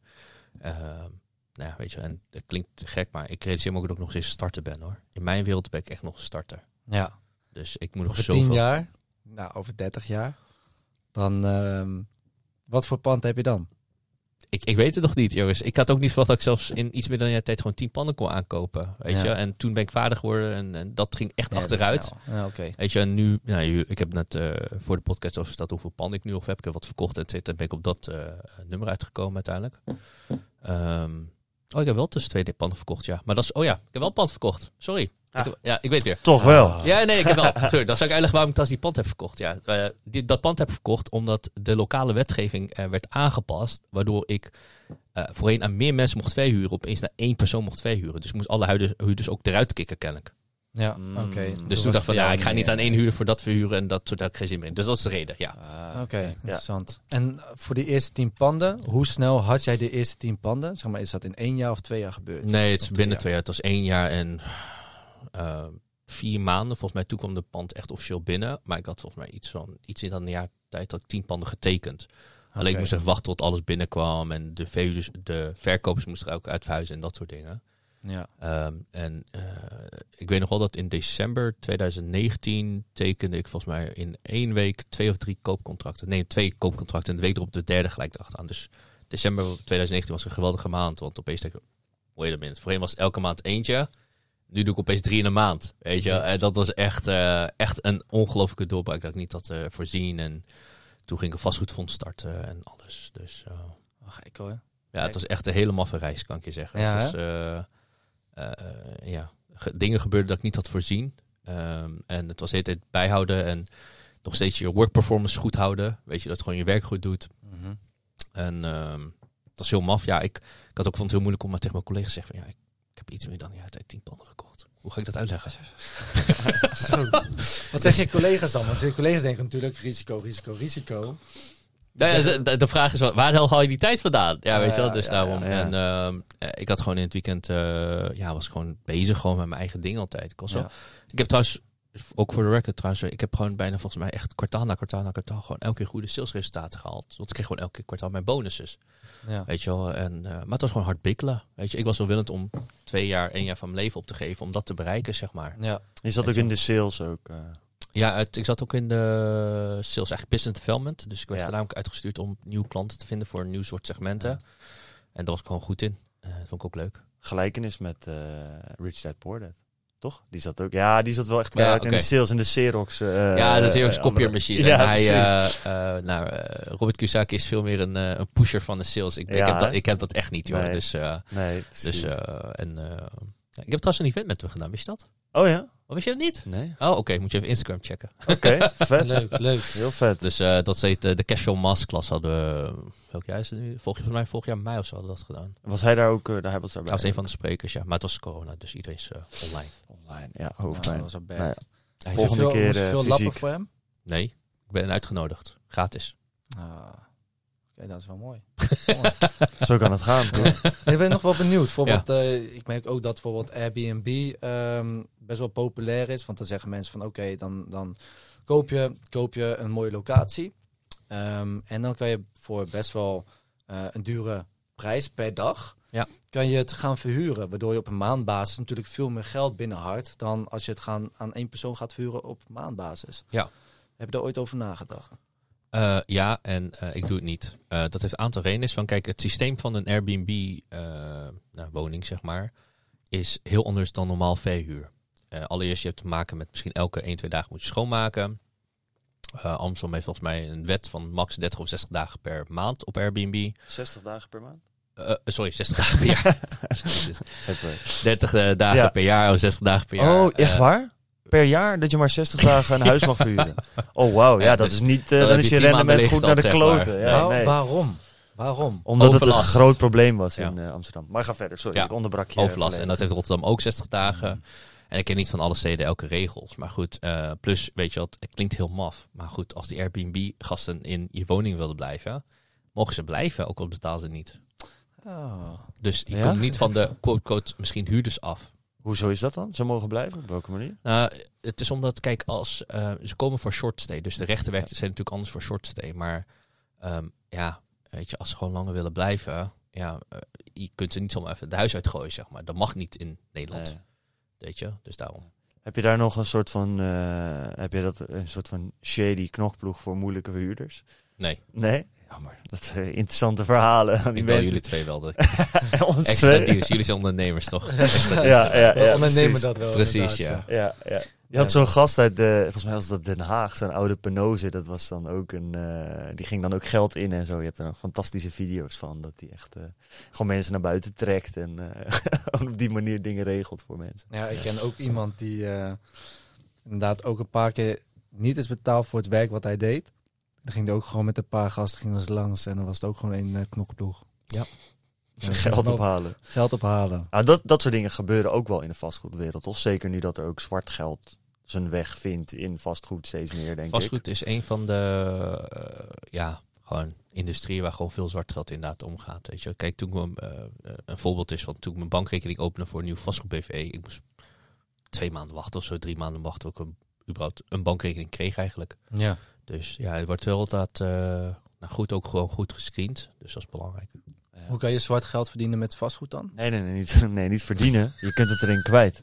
Oh, Witwassen. kwijt. Ja, witwassen. Bijvoorbeeld eh, de Russische eh, oligarchen die kopen dan zetten een BV op, ik noem wat in de Cay- Cayman-eilanden of zo in Griekenland en dan op daar vanuit weer een BV in Nederland. Ja. En eh, van Duit wordt dan geïnvesteerd lokaal in eh, vastgoed. Juist. En zo doe je Zo. gewoon een heel moeilijke Ja, paper ja, trail maken die niet na te gaan is. En dan kun je gewoon Precies. zwart geld... Dus eh, zo kun je bloedgeld, diamanten uit Afrika ook, eh, weet je, via een BV in Italië of Griekenland weer laten, of Cyprus door sluizen naar, eh, ook of Hongarije trouwens, is ook een gebied, Oh, ja. naar Nederland. Dus dan eh, kun je Dat- gewoon is stoppen. zoiets je o- ooit wel aangeboden dan? Bloeddiamanten? Hoe bedoel je? Nee. Nee, maar meer van om, eh, om gewoon eh, bijvoorbeeld te gaan investeren in een bepaald pand met iemand, maar hij heeft zeg maar zwart geld. Oh, Nee, ja, dank je je. met Nee, shady nee, figuren. Nee. Nee, ik had één ding, één ding wat je heel goed moet realiseren. En dat, dat zei dus die mentor ook tegen mij. Gewoon toen me eerst pand. Hij zei van één ding wat je moet onthouden. Eh, eh, je moet altijd een relatie hebben met de banken. Het is een, een, een, een symbiotische relatie. Als de banken je nooit meer zullen financieren omdat je shady shit doet. Of omdat je heel veel zwart geld aan het witwassen bent of zo. Je, je carrière is gewoon over. Of Ja. wat dan ook. Dus ik ga die risico echt niet nemen. Ja, het bedrag dat ik zo zal nemen is als je met 50 miljard overmaakt. Dan ga ik wel echt misschien overstag inderdaad. Dat is goed je. Maar goed, dat, dan woon ik op de misschien. Maar, maar. heb je, want hoe ga je daarmee om als je bijvoorbeeld dan een investeerder zoekt? Ja. Doe je dan ook zelf een financiële check op waar iemands geld vandaan komt? Want ik kan me ook voorstellen dat er zakenmensen zijn die zeggen: nee, alles is eerlijk verdiend, dit, dat. En dat er dan misschien dat je samen een project aangaat en dat Ja. dan ineens de hele boel unravelt en dat je denkt: fuck, dit was allemaal zwart geld. Nee, dus dat heb ik in het verleden wel inderdaad geleerd. Ehm, eh, dat je een beetje de achtergrond van die persoon wel moet checken. Maar goed, je kunt maar zoveel checken, snap je dat? Ehm, en sommige investeerders hebben gewoon een, eh, een best wel ja, een bekend bedrijf. Ja, daar kan ik wel van uitgaan dat als ik daarmee in zee zou gaan, de notarissen, de banken ook dat op die manier zouden filteren. Weet je wel? Dus eh, inderdaad, van, en, en tegelijkertijd, ja, ik heb die fout ook een keer gemaakt om met iemand die niet integriteit had om mee samen te werken. Ik denk dat wat je aanhaalt is ook heel belangrijk. Want veel mensen denken van, oh shit, ik kom maar dat ik een investeerder krijg. Maar dan let ze niet op wat voor soort investeerder het is. Weet je, het is ook aan jouw kant de verantwoordelijkheid, maar ook jouw keuze heb je om te kiezen met wie je samenwerkt. Ja. Eh, ja, ik heb af en toe nu wel nu, nu, zeg maar de luxe. Om zeggen, ja, met jou wil ik niet samenwerken en met jou wel. En dat wil je gewoon voorkomen. Want stel dat je echt nou met iemand in zee gaat, die dan, ik noem maar wat, geld krijgt van bloeddiamant of zo. Nou ja, je moet maar met zo'n persoon misschien verbonden zijn op een gegeven moment. En de bank ga je finan- financieel afsnijden. Ja. Ja, dus dan, want dan, dat is een hele dure prijs die je dan moet betalen Voor voor, een, voor, of wat ja, dan ook, ja. precies, voor iets wat je misschien helemaal onwetend bent. klaar, ja. Ja. Een hele korte duur. Ja, vandaar dus dat er zijn heel veel regels ook waar je gewoon mee rekening mee moet houden. Eh, de short, het is heel grappig trouwens, dat, dat heb geleerd van de dropshipping wereld, doe ik maar zo. Ehm, sommige mensen houden heel veel van shortcuts. Alleen wat opvalt- met shortcut is dat het nooit lange termijn is. Nope. Mm. Dat je klopt. Dat, eh, dat valt me heel erg op. Dus ook met vastgoed. Ja, shortcuts werken ook gewoon niet. Ik heb ook mijn fout gemaakt met kiezen van verkeerde be- beheerder en dat soort dingen. Ja. Maar eh, shortcuts werken gewoon niet over het algemeen. Ja, dat is ook zo'n gezegde toch? Money earned quick usually doesn't last. Inderdaad. Dus ehm, ja, daarom vind ik het ook gewoon lange termijn blijven investeren. Zoals Ja. vastgoed is stabiel. ja. Ehm, ehm, ik weet niet of je snel rijk van wordt, daar let ik ook niet op. Maar eh, Het is wel passief. Het is wel passief en je wint tijd, weet je. Dus, Ja. heerlijk. ja, Dus als je kijkt naar winstmarge bijvoorbeeld, je koopt een pand inderdaad en je denkt op een gegeven moment van ja, je hebt dan de beheer en alles. Eh, wat hou je dan zeg maar voor jezelf over? Wat, wat is jouw doel met, met percentages dan? Wat voor marge wil je echt erop winnen? Ehm, mijn rendement op eigen vermogen, worst case, is 15 tot 20 procent ongeveer. Hangt een beetje van de deal af. Ja. Eh, anders doe ik het vaak niet. En dat betekent rendement als in cash op cash. Dus als ik er 100.000 euro in zou leggen, dan krijg ik gewoon 15.000 euro eruit. Ja. En de reden waarom is omdat ik dan altijd een beetje ook iets te verdelen heb met een andere investeerder. Snap je dat? Als je te weinig rendement maakt, valt er ook te weinig te investeren met een investeerder. Als je 2% rendement maakt, ja, de liefst is wel een beetje mee investeren. Nee. Dus vaak ook, dus wat ik zeg is van, nou, kijk, als je kijkt naar een eh, aandelenmarkt, als je gewoon je geld eh, passief in een ETF instopt, maak je 7 tot 8 procent, ga je naar 10 procent en dan is nog exclusief waardestijging bijvoorbeeld. Ja, dat is voor veel investeerders begint wel interessant te worden. Want zelfs als je alles 50-50 doet, krijg jij 5 procent, krijg ik 5 procent. En er nog eens exclusief de waardestijging op lange termijn. Ja. Ja. Mooi. Gelijk. Ik, gelijk. ik, ik heb eigenlijk nog maar één vraag. En ik denk dat jij daar vast wel goed over nagedacht hebt. Ja, dat is mijn laatste vraag. Ik Ehm, dat die 2,5 uur zouden gaan halen. De langste podcast ooit. ja, ja, dat kan nog. We kunnen nog gewoon heel lang over allemaal dingen. Maar dan gaat de kwaliteit leuk vindt, langzaam. eh, doen we tweede sessie. Ga. Precies. Nee, ik. ehm, waar wil jij naartoe bouwen? Want je zegt nu, eh, je bent gestopt met werken. Of in ieder geval, je gaat, dat, en je gaat meer tijd met je dochter doorbrengen. Maar je wil ook nog steeds meer dingen ontwikkelen. Waar wil je over vijf tot tien jaar staan? Weet ik niet. Ik weet het echt niet. Het enige wat ik kan zeggen is van... ehm, ik denk een beetje de laatste tijd, eh, afgelopen twee, drie maanden, steeds meer uit de, de cashflow quadrant van eh, Robert Kiyosaki. Weet je, de employee, de investeerder, de business owner en ehm, de investor. Nou ja, eigenlijk wat ik aan het doen ben is natuurlijk van de employee kant naar de business owner kant. En eh, daarin zie ik dus eigenlijk dat ik een, nog steeds een beetje van een business operator ben. Dus ik werk in mijn eigen bedrijf en soms voor het bedrijf, maar ik moet eigenlijk bedrijf voor mij meer laten werken. Dus dat is een transitie en wat ik mezelf nu hard aan het aanleren ben, hoe je dan een business owner wordt en investeerder. Ehm, en dat zijn heel andere skills. Hoe je dan investeert, hoe je dan naar de situatie kijkt. Het is ook veel meer mensen inschatten. Dus mijn transitie is veel meer naar de business owner en investeerder. Om eigenlijk een, ja, een ander spel te leren eigenlijk in een leven qua zaken doen. Dat is bijvoorbeeld bedrijven kopen, assets bouwen, bedrijf fuseren of een nieuw bedrijf starten. Uh, weet je, naast vastgoed heb ik nog nou ja, twee, drie andere bedrijven, zeg maar. Uh, waarvan ik nog een, ja, ik ga misschien nog eentje opzetten. Maar dat is allemaal omdat ik mezelf nog aan het trainen ben. Um, hoe ik naar de kant van een business owner ga en investeerder. En uh, al die bedrijven zijn gefocust op of een bedrijf opzetten, of een uh, soort van uh, een investeringsfocus aan te brengen in bepaalde soorten assets. Um, en begrijp me niet verkeerd, ik heb het geld echt niet hoor. als je er zou weten wat ik nu in mijn holding had, je zou je schrikken hoe weinig dat is. maar ik ga wel gewoon mee door, weet je wel, om een business owner en investeerder te worden. En uh, een paar skills daarin dat ik mezelf heel hard aan het trainen ben, is dus één, OPM, andermans geld gebruiken.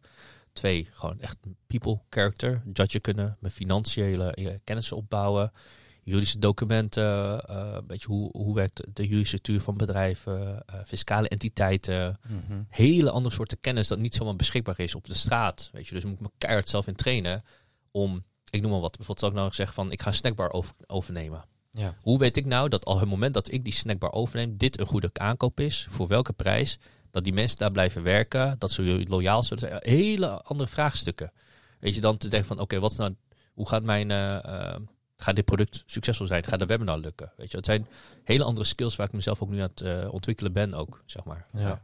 En ja, de kern blijft gewoon vastgoed. Weet je, dus als ik een, nou, ik noem wat, een, een gebouw tegenkom dat 50% beneden marktwaarde zit, en hij kost 5 miljoen euro noemen of zo. Ja, moet ik verdomd goed voorbereid zijn om er gewoon tegelijk te kunnen tekenen. Ja. Weet je, en dan moet je kunnen omgaan met die stress, noem ik maar even zo. Mm -hmm. Dus uh, zo daar zit ik maar steeds meer toe te werken. Dus waar ik al vijf of tien jaar sta, ik weet het niet. Maar het zal ergens in die range zijn qua skills. Zeg Wel maar. leuk. Dus je gaat eigenlijk naar een punt toe. Je hebt eigenlijk iets ontwikkeld. En dan vroeg je jezelf de hele tijd van... Oké, okay, hoe kom ik daar? Ging je daar heel veel over leren. Dus heb je daar ook een masterclass voor ontwikkeld, voor om andere mensen dat te leren. Nu ben je zelf weer door aan het ontwikkelen naar de volgende stap. Ja. En dan vraag je weer jezelf af van oké, okay, hoe ga ik er komen? Je noemde net al iets van vijf, zes, zeven dingen ja. die je moet gaan ontwikkelen. Ja.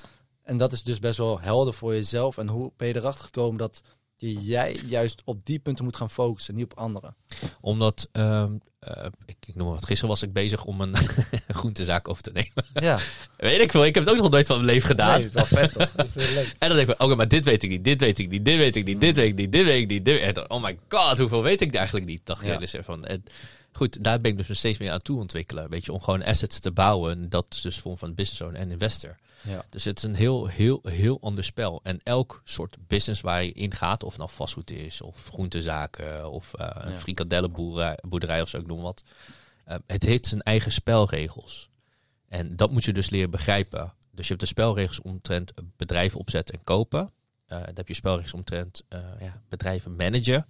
En ook misschien exits creëren. En dat zijn hele andere spelregels. Uh, mm. Plus nog, elke industrie heeft zijn eigen spelregels.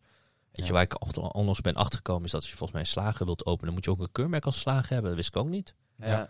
Wat grappig dat jij ook al die dingen allemaal aan het uitzoeken bent. en tegen, waarschijnlijk hoor je dat ook uit je omgeving en dan duik je daarin of zo. Nou ja, ja klopt. Ja, dus ik krijg af en toe wel gewoon gekke dingen aangeboden. En um, um, ja, het is gewoon leren. Weet je, ik, ik, ik, wat ik um, uh, wel af en toe moeilijk vind is van ja, er is nu een, een bepaald imago natuurlijk voor mij in Nederland over een vastgoedinvestering. En dat kan positief zijn, slecht zijn. Het, het, kan van alles zijn.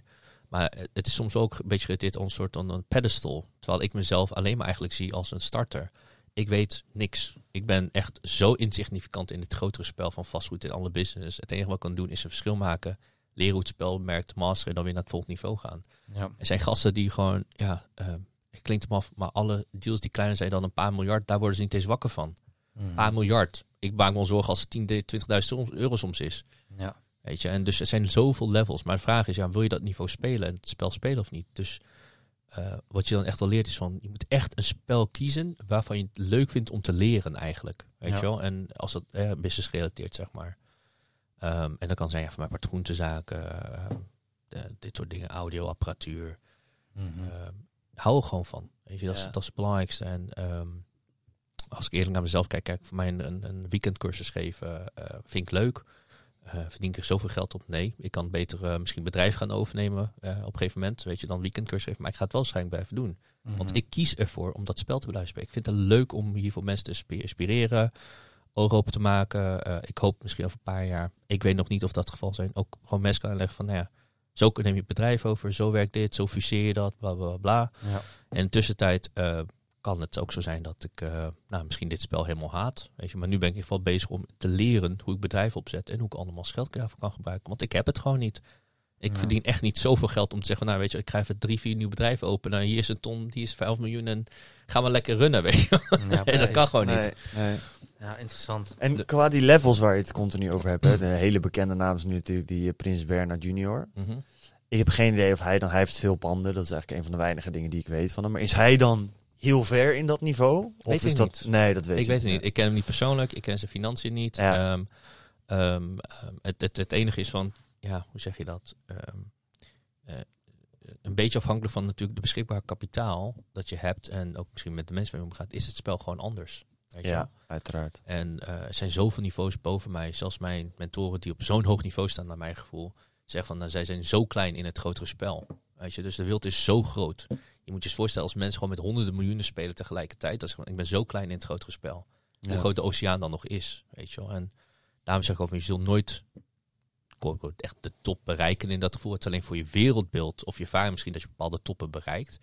Voor mijn gevoel heb ik dan ja, in trend van eh, investeren in Nederland eh, ja, een bepaald niveau al bereikt, zeg maar. Maar ik weet gewoon dat ik, ja, eh, Ik ben nog dit met dit, ja, wat ik kan nog is. zoveel leren op dat Ja, niveau. ja. Ja. Heb je nog een soort van, eh, ehm, als je, stel voor je wil goed worden in voetbal en dat is je, je hobby en je passie, dan kijk je bijvoorbeeld op naar Cristiano Ronaldo. Heb jij een Cristiano Ronaldo in de vastgoed? Iemand wanneer je kijkt en denkt, wow. Nee, niet per se. Ehm, het is meer van waar ik. eh, ik heb die nog niet gevonden, laat ik het even zo correct zeggen. Dus ik ben wel op zoek naar iemand die mij veel meer kan trainen, bijvoorbeeld in transformatieprojecten ook. Dat gaat gewoon sneller dan ehm, veel dingen alleen zelf uitvogelen, zeg maar. Ehm, en wat ik me daarin realiseer is niet zozeer de, de een, dat ik die één persoon niet heb, maar ik heb wel een andere persoon, die ga ik niet nou, noemen wie het is, maar wat ik leer is heel veel wijsheden over zaken doen. Mhm. Dus het allerbelangrijkste wat ik dan van hem heb geleerd eh, toen ik mijn tweede pand ging kopen, was van eh het maakt me niks uit wat je doet, maar zorg ervoor dat je altijd opereert vanuit integriteit en dat de andere persoon integriteit heeft.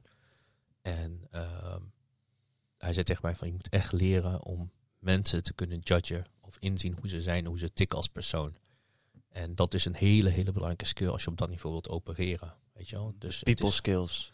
People skills inderdaad, ja. Weet je wat ik als, als ik kijk naar mijn eigen carrière, zeg maar een beetje van afgelopen jaar, is het zo van je bouwt technische vaardigheden op, ehm, expertise bouw je op, dan word je ergens goed in. En nou, dat genereert natuurlijk een inkomen. En van daaruit kun je dan met dat geld weer andere dingen doen. Een soort T-shape ontwikkeling zou je kunnen zeggen. Dus je hebt een expertise in één gebied, wat je toegang geeft dan op, of om dat gebied door te ontwikkelen, dus complete focus erop hebben.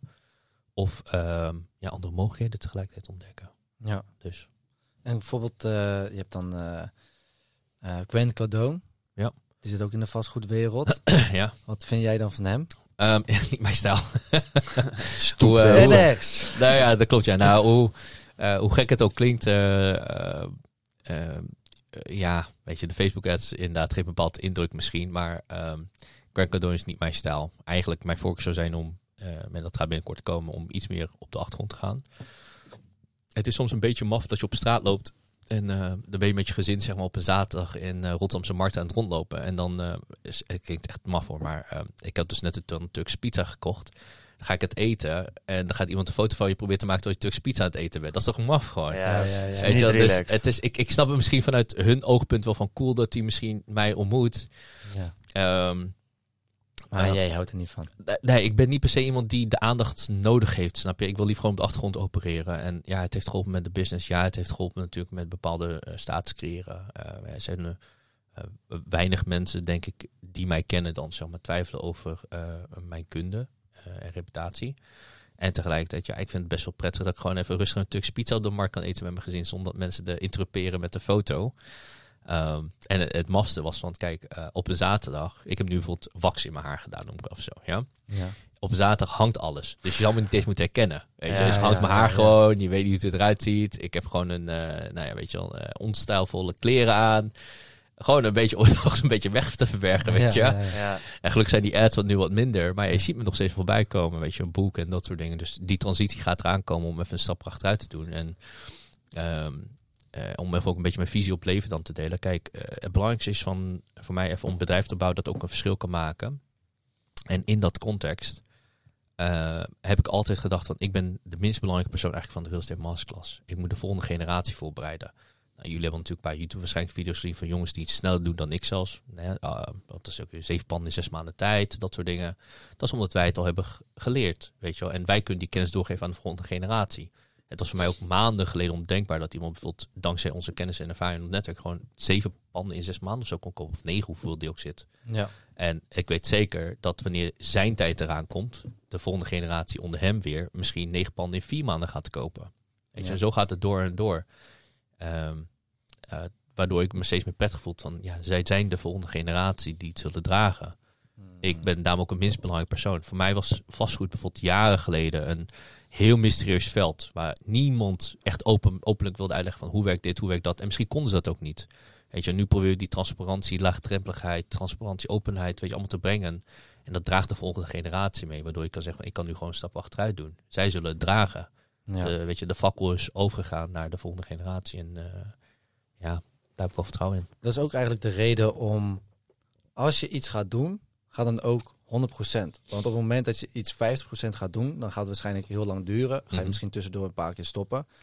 Maar in die tussentijd, wat we nu ook best wel vaak zien, omdat er gasten langskomen, worden in een- twee jaar of in een jaar kan er best wel veel ontwikkeld zijn qua extra kennis die ik weer kan opdoen binnen een korte tijd. Ja. Dus als jij gewoon inderdaad 100% ergens voor gaat, zorg ervoor dat je al de, alle informatie hebt en dan gelijk actie neemt. Maar als jij alle informatie gaat opnemen maar geen actie neemt, een jaar later kan je misschien weer extra informatie of vernieuwende informatie of snellere informatie krijgen. Ja, absoluut. Absoluut. En dan een niveau erboven, dat heb ik wel geleerd, is als je les gaat geven over onderwerp met passie en gewoon transparantie, dan groei je nog verder, omdat je dingen nog beter begrijpt. Oké. Snap je? Want dan Hoe, ga je. hoe bedoel je dat dan? Nou ja, letterlijk met passie praten. Of- Ja, nou, nou, je moet zelfs zo stellen, eh, een voorbeeld geven. In mijn eerste jaar moest ik leren, stap voor stap voor stap voor stap. Weet je, dat ik in actie was om dingen te leren hoe dingen werkten. ja. Het jaar daarop begonnen mensen opeens mij te vragen, kun je me leren hoe het werkt? En je dan denk van, oh, dat weet ik niet, dat weet ik wel. Dus dit kan ik wel goed opleggen, dat kan ik niet. En dan zie je gewoon gaten in kennis en ervaring. Ja. Dan ben je daarna een jaar verder, dan weet je, zoveel mensen hebben getraind van, oh ja, weet je, ik weet het spel wel ongeveer nu op dit gebied. eh, weet je wel, en, en snap je? Dus je, Ja, je dus ontwikkelt je steeds verder door Mhm. ook weg te geven kennis, zeg maar. Ja, inderdaad, inderdaad. Oké, interessant. Jij wordt dus gewoon sterker ook als teacher. Weet je gewoon precies wat andere mensen moeten weten om daar te gaan komen. Ja. Wat je wel en wat je niet moet zeggen. Ja, inderdaad. En Ja. eh, sorry, nog een wijsheid dat ik heb geleerd is van hoe meer je leert weg te geven, hoe meer je terugkrijgt. Weet je, die jongens die de volgende generatie zijn, noem ik maar even zo, ze kunnen elke kant opgaan. Ze zijn niet contractueel zozeer gebonden, zeggen jullie moeten bij de Real Estate Masters bij, maar ze hebben gekozen om de, dat fakkel te dragen, zeg maar. Ja. Weet je, en dan wanneer hun, dat bedoel ik dus van, zodra het hun tijd weer is, met de waardes die wij hebben weggegeven, dan zal er weer een volgende generatie opstaan. En zo wordt het doorgegeven naar de volgende generatie en volgende generatie. ja. En hoe, oké, dat is misschien een inzichtvraag. maar wat gebeurt er dan op een gegeven moment als heel veel mensen weten hoe ze moeten investeren in vastgoed? Ja. Heb je daar wel eens over nagedacht? Ehm, ja, het is, ja en nee. Er is een theoretische discussie. eh, en tegelijkertijd, ja, de hele simpele vraag: denk je dat de wereldbevolking blijft doorgroeien? Ja. Ja, oké. Ja, Heb je dan meer huizen nodig of niet? Nee, maar ik bedoel meer van, ehm, kijk, als we hebben het wel eens gezegd van, oké, eh, ja, oké, ik begrijp, wel- ik begrijp precies wat je bedoelt. Maar ik bedoel op een gegeven moment van, als het makkelijk wordt om zoiets te leren, het wordt bijvoorbeeld onderdeel van een schoolprogramma, dan kan iedereen het. Ja. En dan weten ze hoe het zelf moet opzetten. Ja. Dus dan zal het niet zo zijn dat het, eh, de concurrentie wordt ook in één keer een stuk hoger. Ja. Maar denk je echt dat dat kan? Ik geloof daar niet in. Joh. Mensen zijn veel te lui, onzeker, bang. Het, het percentage, bedoel, je hebt 1400 mensen geholpen, zeg je. Wel meer dan 1200, misschien 14 of 1600 nu. Ik weet Ja, het niet precies. meer. Ja. Maar neem eens 17 miljoen Nederlanders. Dat is zo'n minim klein procentje van het Mhm. aantal mensen. Dat is nu al. Ja, Dus we hebben 0,001% of zo van de markt. Ja, precies. Dus- Ja, ja. dus, en tegelijkertijd, je kunt het ook zo zien. Ja, iedereen leert wiskunde op school, maar gaan ze allemaal iets met wiskunde doen op een gegeven moment? Of Frans Mhm. bijvoorbeeld. Ja. Weet je? Ik, ik, het enige Ja, maar wat- weet je wat het is? Mhm. Wiskunde hoeft niet per se in je carrière voor te komen. Iedereen heeft een huis nodig. Ja. Dus ja, als je dan gaat kijken van oké, hoe ga ik een huis behandelen? En ik heb geleerd hoe ik het best een huis kan opkopen en dan kan gaan gebruiken. Ja. Dan heb ik daar niet een andere persoon meer voor nodig. Helder. Dus dan kunnen ze zelf een investeerder zoeken om dat te gaan doen. Ja, Ja, maar ik denk, maar ik denk daar komt altijd maar- onzekerheid bij kijken. Dus nog steeds financieel onzekerheid voelen. Dat zullen mensen nog steeds hebben. Eh, tijd en moeite erin moeten stoppen. Ja. Want je wil dat huis kopen, maar ja, je gaat ook werken en je hebt 40 uur werk. Niem, bijna niemand. Zeg maar, ik hoor mensen al klagen: oh, ik werk 40 uur in de week. Dan denk ik echt. Dat is echt kinderspel. Kon ik maar 40 uur in de week werken. Maar voor heel veel mensen is dat al de max. Dus voor die mensen om vastgoed te investeren, dat allemaal te gaan doen. Ik denk zelf, je kan dat de hele wereld leren. En dan gaat nog steeds maar een heel klein percentage het echt doen. Mhm, mhm. Maar dat is mijn kijk. Ja, ja, ja, ja. Ik was gewoon benieuwd. Nee, ja, geen probleem. En tegelijkertijd, ja, de bevolking blijft doorgroeien. Ehm, dus woningbouw zal ook belangrijker worden als skill, zeg maar. En Ja. als je dan praat over woningbouw ten opzichte van een pand kopen om te verhuren, Mhm. de bedragen zijn anders. Hè. Kijk, een woning kost misschien 200.000, 300.000 euro dat je kunt kopen.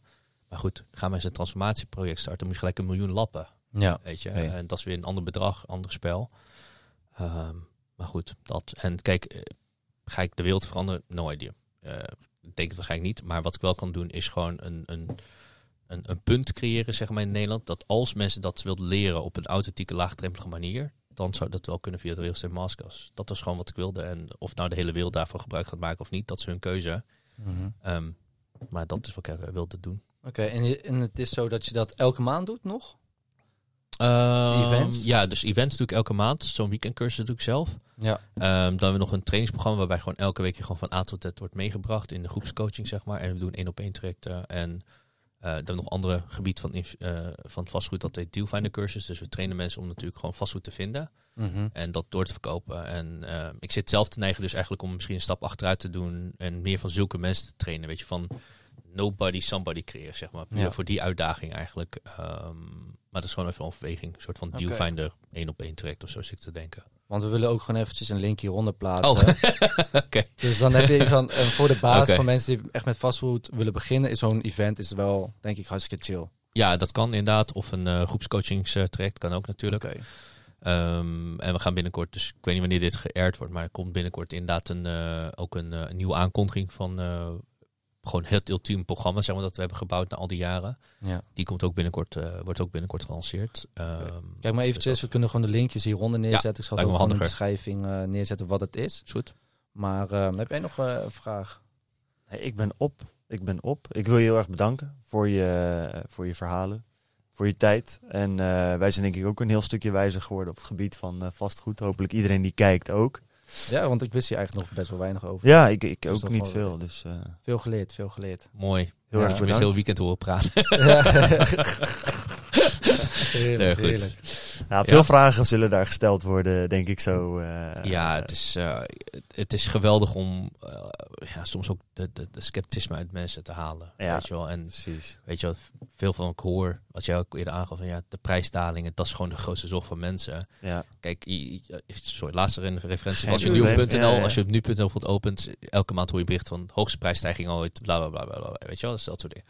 Als je elke maand zou lezen van, oh, vastgoed, als je nu investeert, maak je 20% per jaar rendement. 20%, 20%, 20%. Dan, wordt, weet je, gaat iedereen kopen, zeg maar. Weet je? Ja. Dus het is net even de, de context waarin je opereert. Snap je? Eh, prijsstijging, ja, tuurlijk. Het kan dalen, tuurlijk. Dat zeg ik ook. Eh, alleen dat spel speel ik niet. Weet je? En dus daarom zeg ik, het is net even de context van wat je wel of niet weet. En daarom vind ik dat, dat weekendcursus leuk. Ik hou ervan dat iedereen 70% scept- sceptisch is aan het begin van de ochtend. En dan zie je... Het grappige is trouwens, als je goed- heel goed let op lesgeven... De 70% ehm, die sceptisch zijn... Aan de ene kant willen ze dat je hè, overtuigd wordt, zeg maar. En aan de andere kant hopen ze ook een beetje dat, ze, dat zij gelijk hebben. Ze zoeken hun gelijk, Ja. inderdaad. Heel erg. En dan zie je, kom je op een zonnig moment aan en denk van... Oh shit, oké, ja, ik moet even investeren met vast. Ja. dat is gewoon leuk, weet je. Ik kan het echt helemaal logisch onderbouwen waarom, weet je Ja. wel. Ja, en het zijn risico's. Absoluut, dat zeg ik ook. De prijzen eh, kunnen dalen. En dan denk je van shit, ik heb iets gekocht dat 30% is gedaald. Mhm. Daar moet je tegen kunnen. Voor niks gaat de zon op, zeg ik altijd. Dus daarom. Ja, maar wij ondernemers kunnen wel tegen die stress. Precies. De Alle lotgenoten luisteraars. eh, houden van risico, denk ik. eh. Zeker weten. Ehm, waar kunnen ze jou vinden eh, online, eh, op social media, Instagram, dat soort dingen? Ja, absoluut. Uh, ja, we hebben een Instagram kanaal die best wel groot is. Dus Ja. Masterclass underscore NL. Daar kun je ons op vinden. Ehm, eh, ik zal daar niet persoonlijk mee achter zitten. Waarschijnlijk wanneer dit groot wordt. Eh, dus als je me persoonlijke vragen hebt, dan kun je me op mijn eigen persoonlijke Instagram eh, benaderen. Dat is Sushin Wu. Eh, die, ik weet niet of jullie taggen eronder of andere de Ja, video zetten. dat, en. LinkedIn helpt ook wel heel goed als je bepaalde vragen wilt stellen of even wilt sparren. Ja. Ja, en als je een geweldige investeerder bent en je hebt echt kapitaal en je wilt serieuze stappen nemen, neem ook contact met me op. Ik heb genoeg projecten, dus daarom. Ja, die luisteren eigenlijk alleen maar naar. Dus ik denk dat straks je hele inbox vol zit met gigantisch vermogen Alle mensen. luisteraars en investeerders. Shout-out naar jullie. Um, Shushin, heel erg bedankt Ja. voor je tijd op deze vrijdagochtend. Eh, we hebben veel geleerd. Ehm, wij zeggen altijd nog één ding Ja, dat is. aan het eind van de podcast. En dat is dankjewel Fuck voor het goeroes. kijken of luisteren. Ah, ja. Dankjewel voor abonneren. En dan zeggen we nog één ding. Dat is fuck goeroes. Wij zijn lotgenoten. Dankjewel en tot ziens.